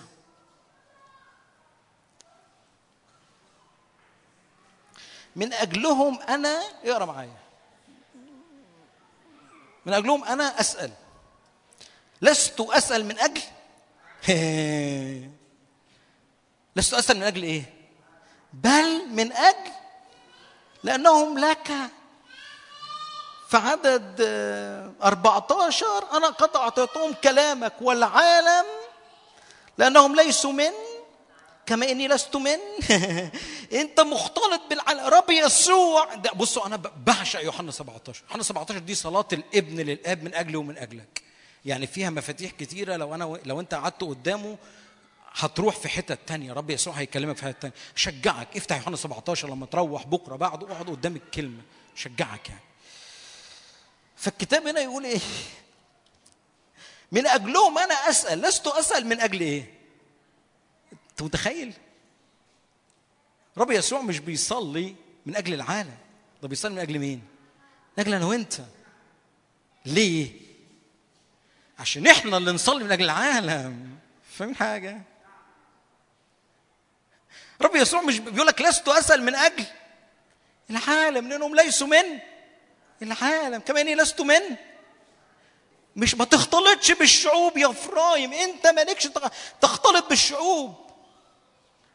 لم يستأصلوا الأمم الذي قال عنها رب اختلطوا بالأمم وتعلموا أعمالهم. ما تخليش العالم يدخل جواك يا فرايم فرايم ده معنى اسمه. قلت لك الذي جعلني مثمرا في أرض مذلتي الرب يجعل الرب كلمة الرب على حياتك إنك تكون مثمر يا فرايم بس للأسف أنت الغرباء أكلوا ثروتك أكلوا إثمارك. ليه؟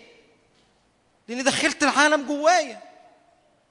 كلمة الرب على حياتك إنك تكون ناجح في حياتك مثمر في طريقك متبارك بتخدم الرب. تقول لي بس ده مش حاصل أنا حاصل في حياتي عكس كده أنا أكل الغرباء ثروتي.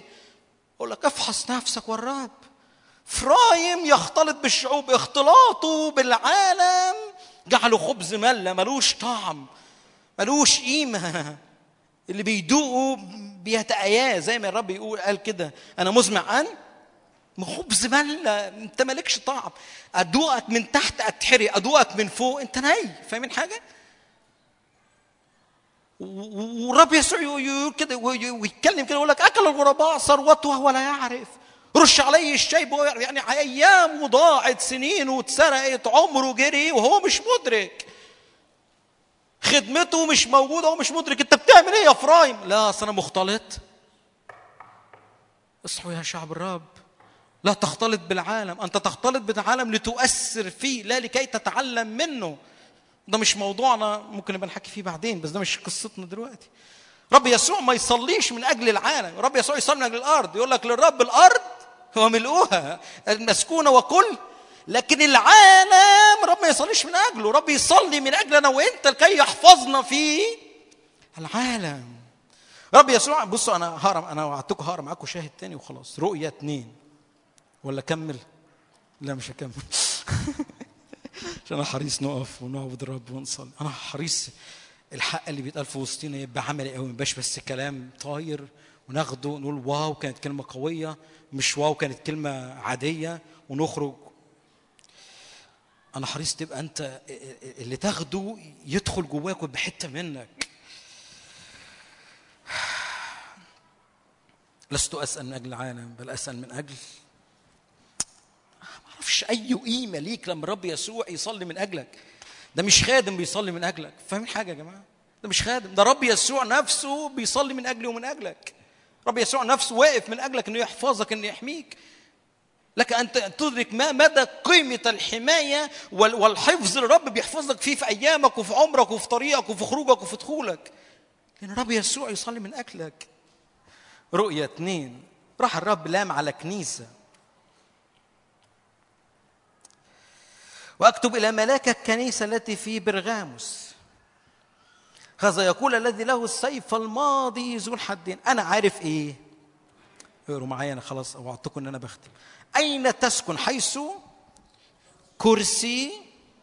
ده الرب يسوع كان بيلوم كنيسة برغاموس أنا عارف أنت بتسكن فين حيث كرسي الشيطان. وفين كرسي الشيطان؟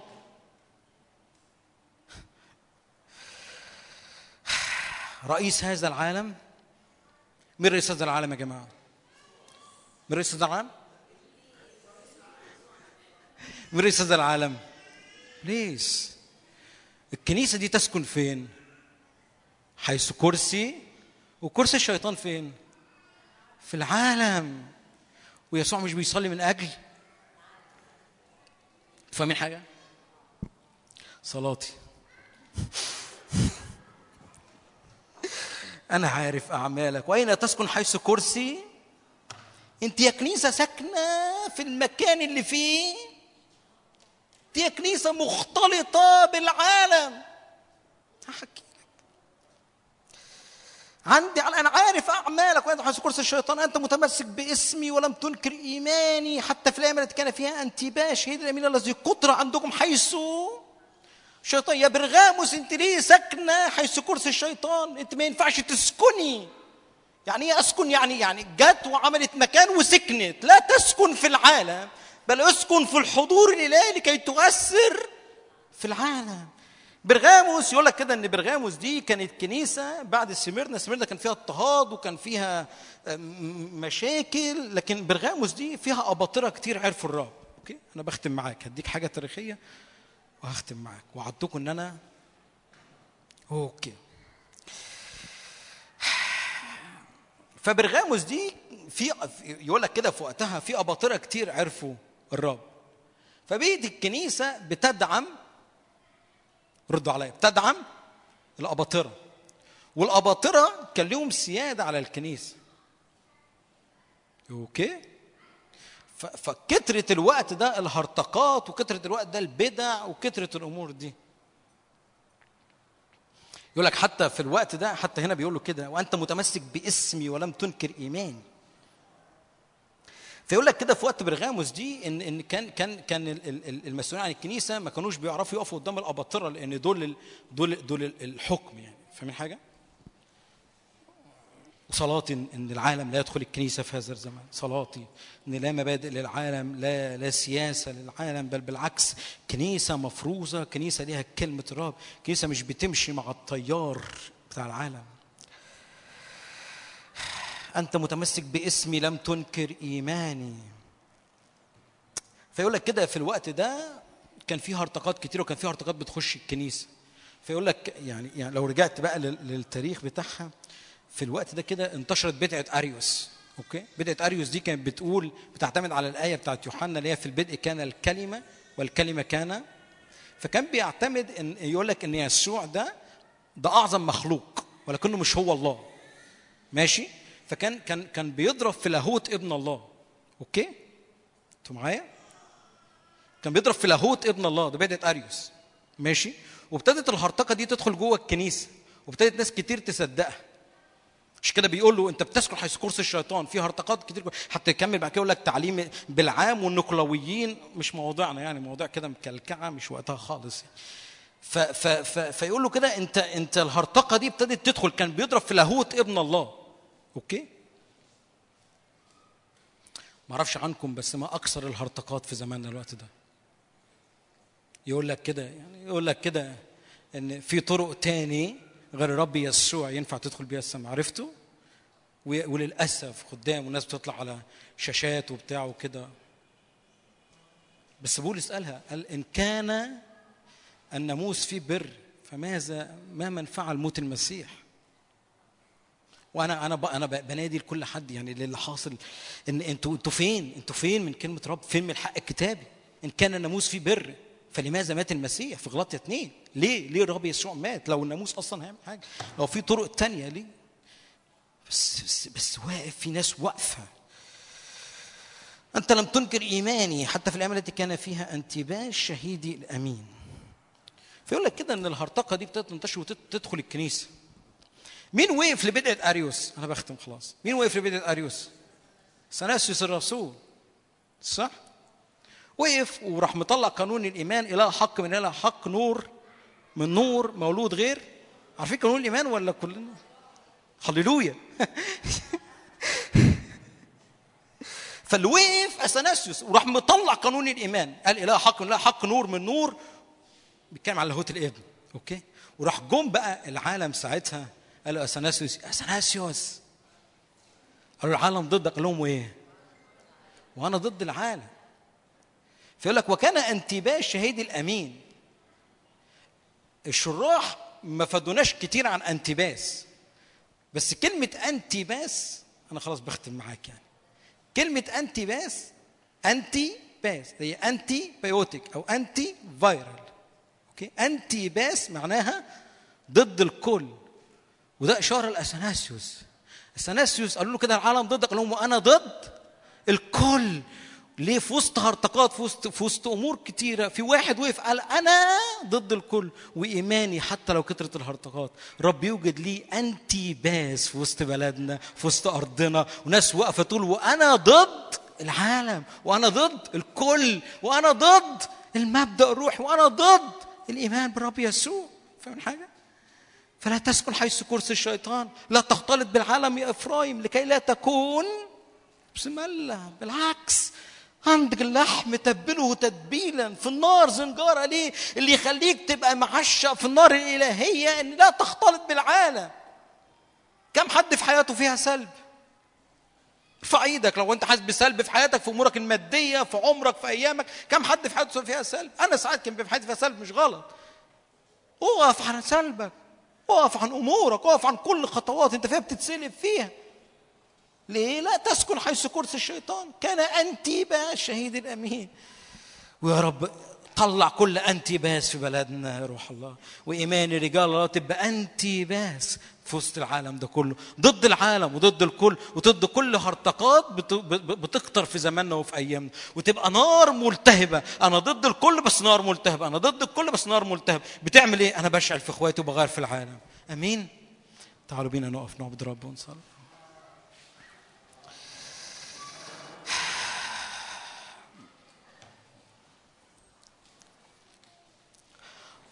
الصانع ملائكة رياحا خدام نار ملتهبة. أنا وأنت ما أعرفش بس أنا وأنت لو مكانك حاجة ترمي على النار الإلهية حاجة ترمي على نار الحضور الإلهي.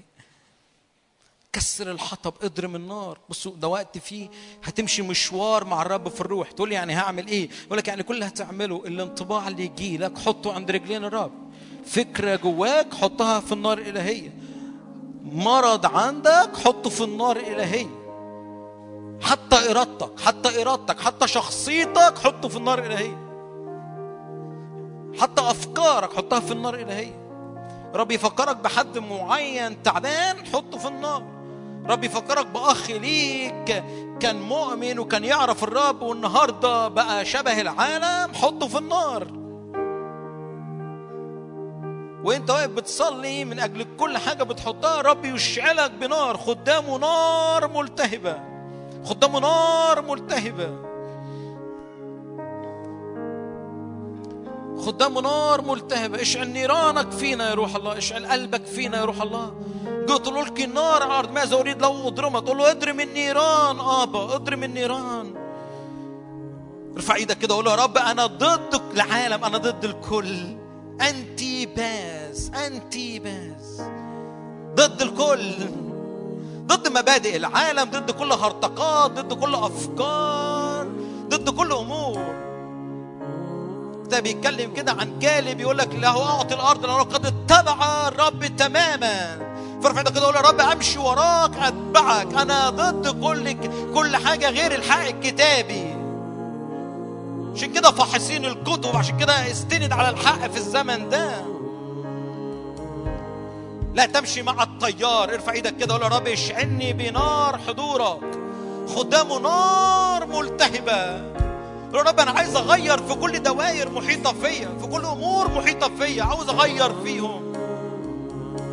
في النار زنجارها. في وسط النار كل سواد فيك يتحرق.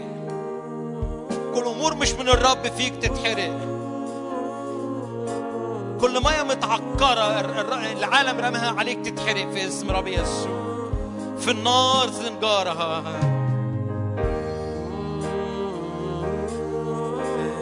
كسر الحطب اضرم النار اضرم النار ابا الاب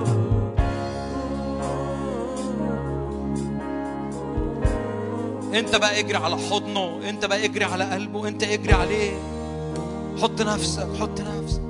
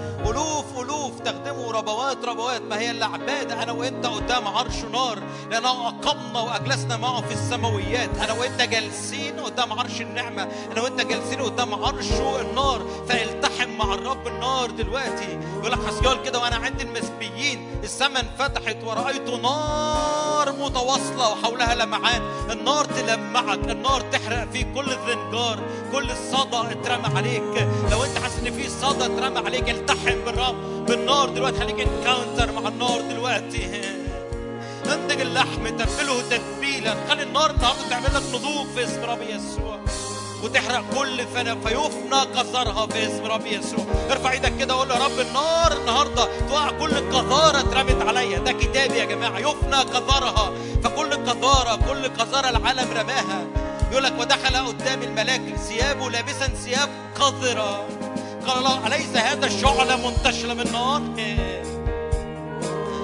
فكل ثياب قذرة تتحرق قدام النار في اسم رب يسوع.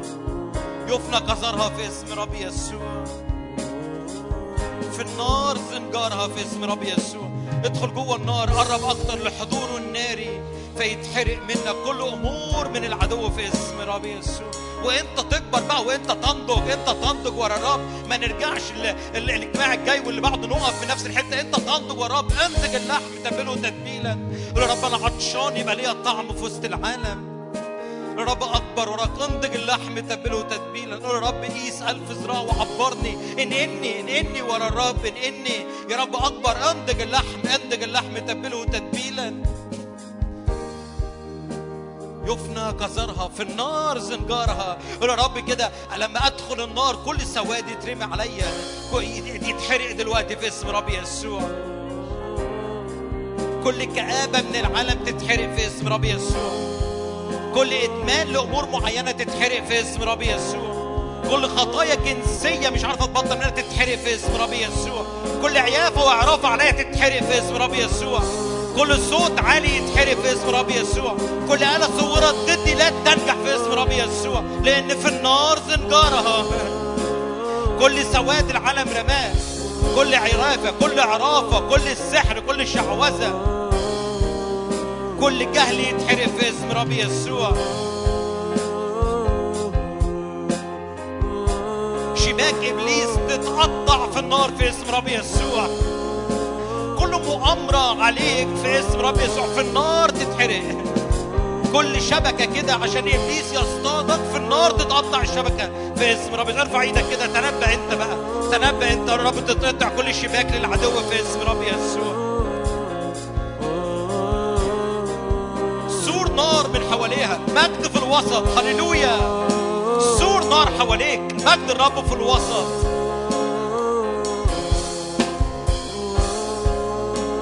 النار تديك مجد تديك لمعان. لأن الكل في هيكلك قائل ألهب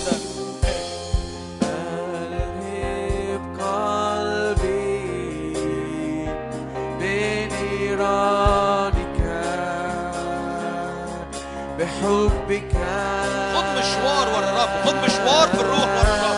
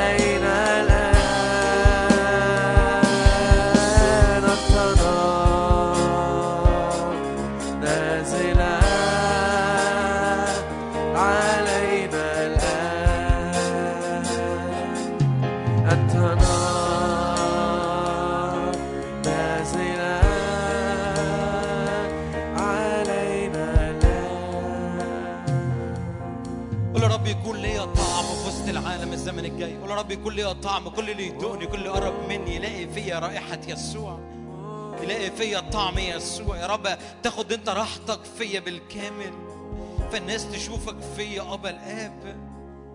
يا رب اللي ارفع إيدك كده قول لا أكون خبز ملا اتقلب على النار دلوقتي قول يا رب إيش في نفسيتي إيش في روحي إيش في جسدي. فتبعه جموع كثيرة فشفاهم جميعا. أبا الآب أنا بصلي الآن معجزة شفاء جماعية لكل الموجودين في اسم رب يسوع. يا رب شفاء لأرواحنا شفاء لنفسيتنا شفاء لجسدنا في اسم رب يسوع. تبعته جموع كثيرة فشفاهم جميعا. هب يا روح الله على هذا المكان. يا رب لتأتي السماء وليأتي نارك علينا ليأتي حضورك علينا. يا رب كثافة حضورك على هذا المكان في اسم رب يسوع. تبعته جموع كثيرا فشفاهم جميعا يا روح الله. يا رب تيجي تشفي صغر نفسي تيجي تشفي ضعفي تيجي تشفي يا رب. كل ما اطلع قدام ارجع ورا تاني يا رب. انضج اللحم تبله تتبيلا. يا رب اكبر معاك انمو معاك يا رب. امشي معاك مشوار أكتر. يا رب اشفيني من كل من كل اعوجاج في اسم رب يسوع. فكل اعوجاج يصير مستقيم وكل عراقيب تصير سهلة في اسم رب يسوع.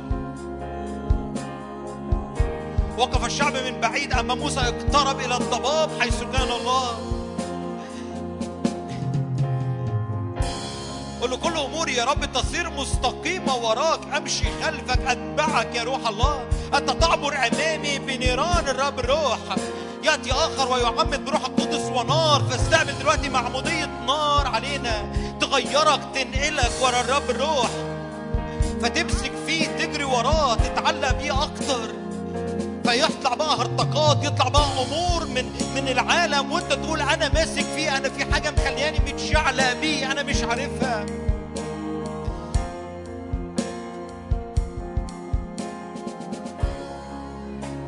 رجال للرب حافظين كلمتك حافظين الحق في اسم رب يسوع. يا رب رافع ايدي من أجل كل حد موجود هنا. يا رب يكون انتي باس يا رب ضد التيار ضد العالم ضد الكل في اسم رب يسوع. يقف يا رب ويشهد عنك يا رب. رجال كالصوان في اسم رب يسوع.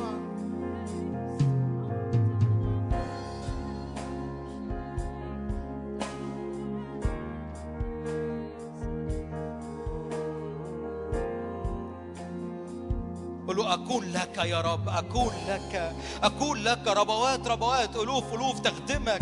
أنا وأنت يا رب أنا وأنت أعبدك بالروح أعبدك بالحق.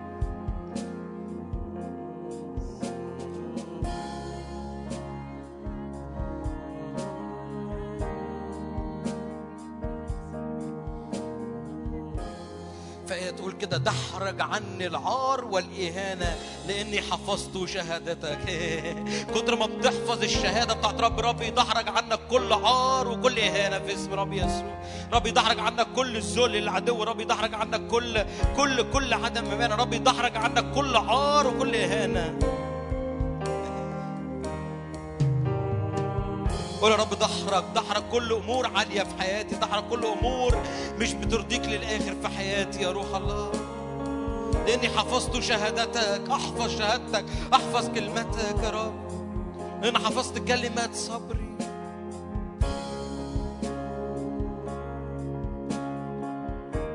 قول له أشهد عنك يا روح الله في كل دوائر حياتي في كل أموري.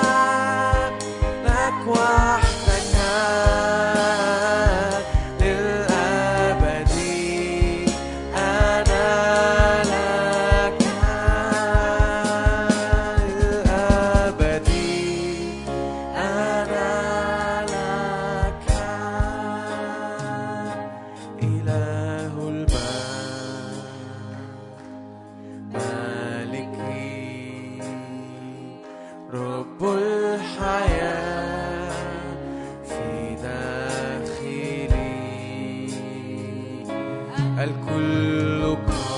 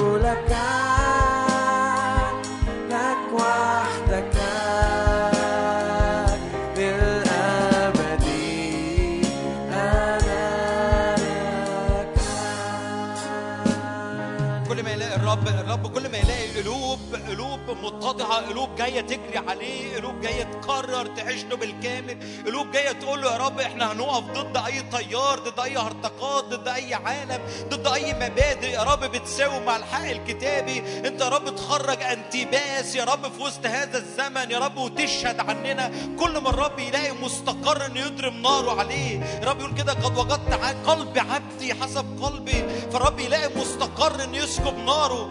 يا جماعة النار مش بتتسكب غير على ذبيحة. فكل ما الرب يلاقي ذبيحة كل ما الرب يحط نار. كل ما الرب يلاقي حطب كل ما النار تشتعل. النار مش بتيجي غير على النار النار مش بتيجي غير على الذبيحة. فكل ما يبقى في ذبيحة على النار كل على على المذبح كل ما النار تيجي تنسكب فعشان الرب يسكب ناره عليك مح- مح- في لازم ذبيحة تتقدم. فقول يا رب اسكب نارك اسكب نارك. كل الحياة ملكا لك. عمري أحيا لمجدك. ده قرار ده قرار محتاج محتاج تصرخه محتاج تعيشه. محتاج تقول يا رب بكل وعي أنا همشي معاك. أنا هكون ليك بالكامل.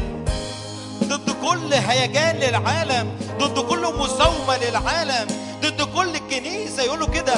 تسكن حيث كرسي الشيطان لأنك بس أنت حفظت إيماني ولم تنكر إيماني وكان عندك انتباس شهيد الأمين.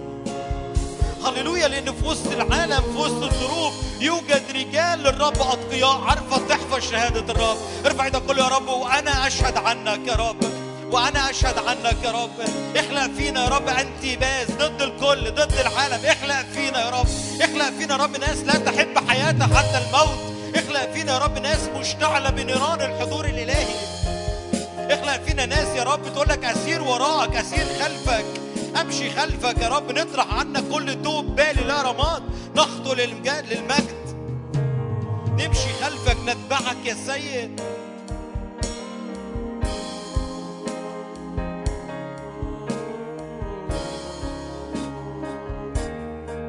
رب يقم رجال لي في هذا المكان. رب يقم رجال لي في هذا المكان.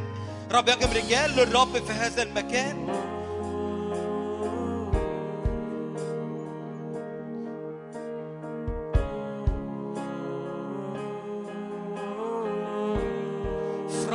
لا تختلط بالشعوب. ارفع إيدك كده. قول يا رب لا أختلط بالعالم يا رب. أؤثر في العالم ولكن العالم لا يدخل فيا يقول لك كده أكل الغرباء ثروته وارفع إيدك كده قول لا سلب على حياتي في اسم رب يسوع. لا ضعف على حياتي لا موت على حياتي في اسم رب يسوع. لأن يسوع قام من الأموات فأنا شوكه الموت أنا شوكه السلب. رب يرد كل مسلوب ليك في اسم رب يسوع. أكل الغرباء ثروته وهو لا يعرف. رش عليه الشيب وهو لا يعرف. ارفع إيدك كده يا رب. قول يا رب أنا مش عاوز عمري يضيع وأيامي تضيع من غير ما أكرم اسمك من غير ما اخدمك قول أنا عاوز أكون ليك بالكامل أبا الآب. لا يعيش الأحياء فيما بعد لأنفسهم بل من أجل الذي مات من أجلهم وقام. قول يا رب أعيش ليك أكون ليك بالكامل. أجري خلفك بالكامل أشهد عنك.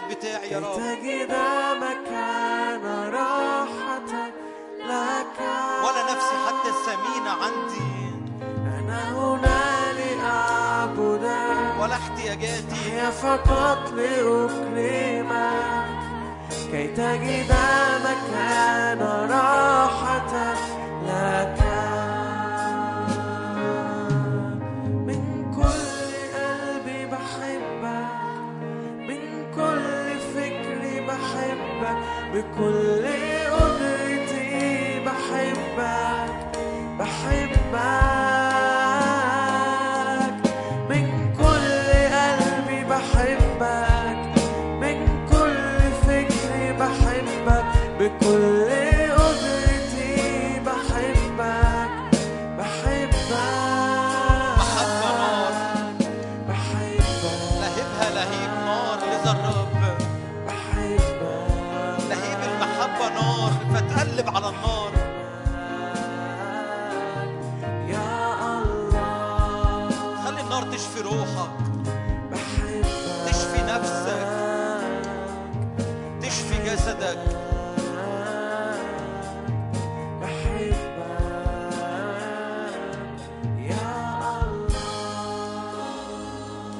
مرة كمان. ممكن تقفوا معايا؟ تمدوا ايديكم معايا لقدام هنصلي الصلوة كمان. مد إيدك معايا لقدام. استقبل مسحة الإنسان يسوع. لا يخاصم لا يصيح. قصبة مردودة لا يقصف. فتيلة مدخنة لا يطفو. إيدك لقدام. قول يا رب اسكب مسحة الإنسان يسوع عليا. فالرب يغير إنسانيتك. تكون أنت إنسان. يعني اكون إنسان يعني تترأف يعني ترحم يعني يعني يعني يعني تشعل إخواتك يعني ترد إخواتك تاني يعني تمسك في إيد إخواتك. قال له يا بطرس ومتى رجعت؟ شدد إخواتك شدد إخواتك. فقول يا رب أكون إنسان. بمعنى الكلمة على حسب قلبك. بولس يقول كده لنحضر إنسان كامل. فقول رب أكون إنسان كامل شبهك على صورتك يا رب. اترأف على إخواتي يا رب تغيرني تنقلني. لا يخاصم لا يصيح لا يسمع أحد في الشوارع صوته قصبة مردودة لا يقصف فتيلة مدخنة لا يطفئ ده اللي يخرج الحق يا جماعة ده اللي يعلن الحق يا جماعة حتى يخرج الحق إلى النصرة. وعلى اسمه يكون رجاء الأمم اسم يسوع فيك يستعلن. قول يا رب اسمك يستعلن من خلالي. قول يا رب اسمك ما يتهنش من خلالي مرة تاني. قول له اسم يسوع ما يتهنش من خلالي مرة تاني. اسمك يا رب يستعلن من خلالي. اسمك يعلن من خلالي يا رب. إلهي هو يهوى إلهي هو يهوى إلهي هو يهوى. وقال إلي إلي معنى اسمه إله هو يهوى. في زمن في الناس بتعرق في زمن في الناس بتساوم أنا هقف أقول اله هو يهوى. أنا أنتي باس أنا اللي ضد الكل. اله هو يهوى ربي يخرج ناس عارفة تقف وتقول إلهي هو يهوى. ناس عارفة الرب يخرج ناس عارفة تقف وتقول إحنا ضد الكل إحنا ضد العالم العالم ضدك وأنا ضد العالم. يا اثناسيوس العالم ضدك وأنا ضد العالم وأنا ضد العالم. ارفع إيدك كده وقول يا رب وأنا ضد العالم وأنا ضد رئيس هذا العالم يأتي وليس له في الشيء. اعلنها. رئيس هذا العالم يأتي وليس له في الشيء. لأن أنا بستقبل مسحة الإنسان يسوع. يترأف على من يترأف ويرحم من يرحم. قول يا رب خرج مني الإنسان يسوع. قول يا رب خرج مني يسوع. في وسط كل دوائر أنا فيها.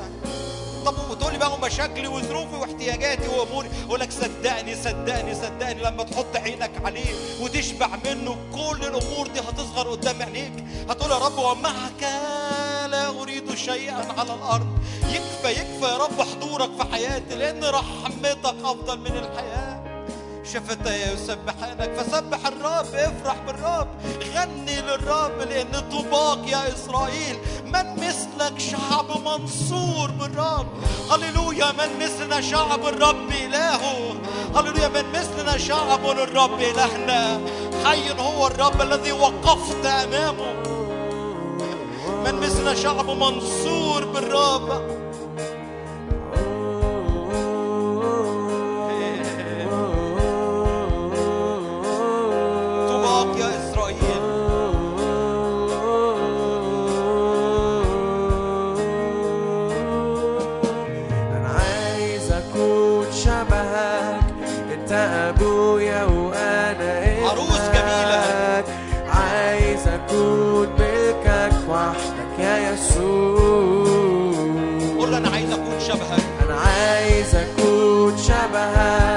التأمل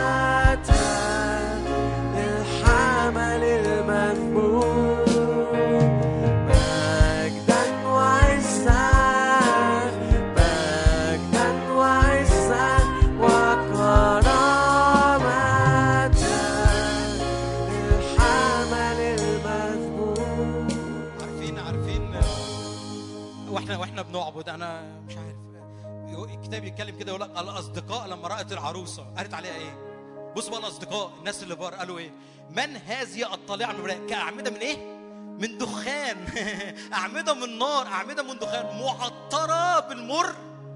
واللبان دي إيه دي تبله تتبيلا دي إيه دي الناس لما تشوفنا من بره تشوفنا أعمدة من دخان معطرة بالمر واللبان وكل أزرة التاجر. ده إيه ده؟ ده الرب يضع فينا مر واللبان الرب يضع فينا طعم يسوع. الناس اللي بره تشوفنا وتشاور علينا من هي هذه؟ عروس جميلة مزينة. من هذه؟ من هي هذه؟ من هي هذه؟ معطرة بالمر واللبان وكل أزرة التاجر. من هي هذه؟ فصلاه إن الرب يخلق كنيسة عروس جميلة بلا عيب في وسط شعب اسكندرية في اسم رب يسوع. والعالم بره والناس بره يقول من هي هذه المعطرة؟ بإيه؟ بالمر واللبان. ليه؟ أصلا متقلبه على النار تبله تتبيلا وكل ازره التاجر التاجر يجي يضع فيك توابل. ده حق كتاب يا جماعة. أنا مش إحنا مش في سوق يعني مش فاهمين حاجة؟ أنا تبله تتبيلا يقول لك معطرة بالمر واللبان وكل أزرة التاجر. من هي هذه الطالعة من البرية معط؟ كأعمدة من دخان. تكون مشتعل كده مشتعل بنار الروح القدس. من هي هذه؟ من هي هي. هذه؟ عروس الخروف أورشليم الجديدة من السماء نازلة. مشربة كالصباح طاهرة كالشمس. مرهبة مثل جيش بألوية.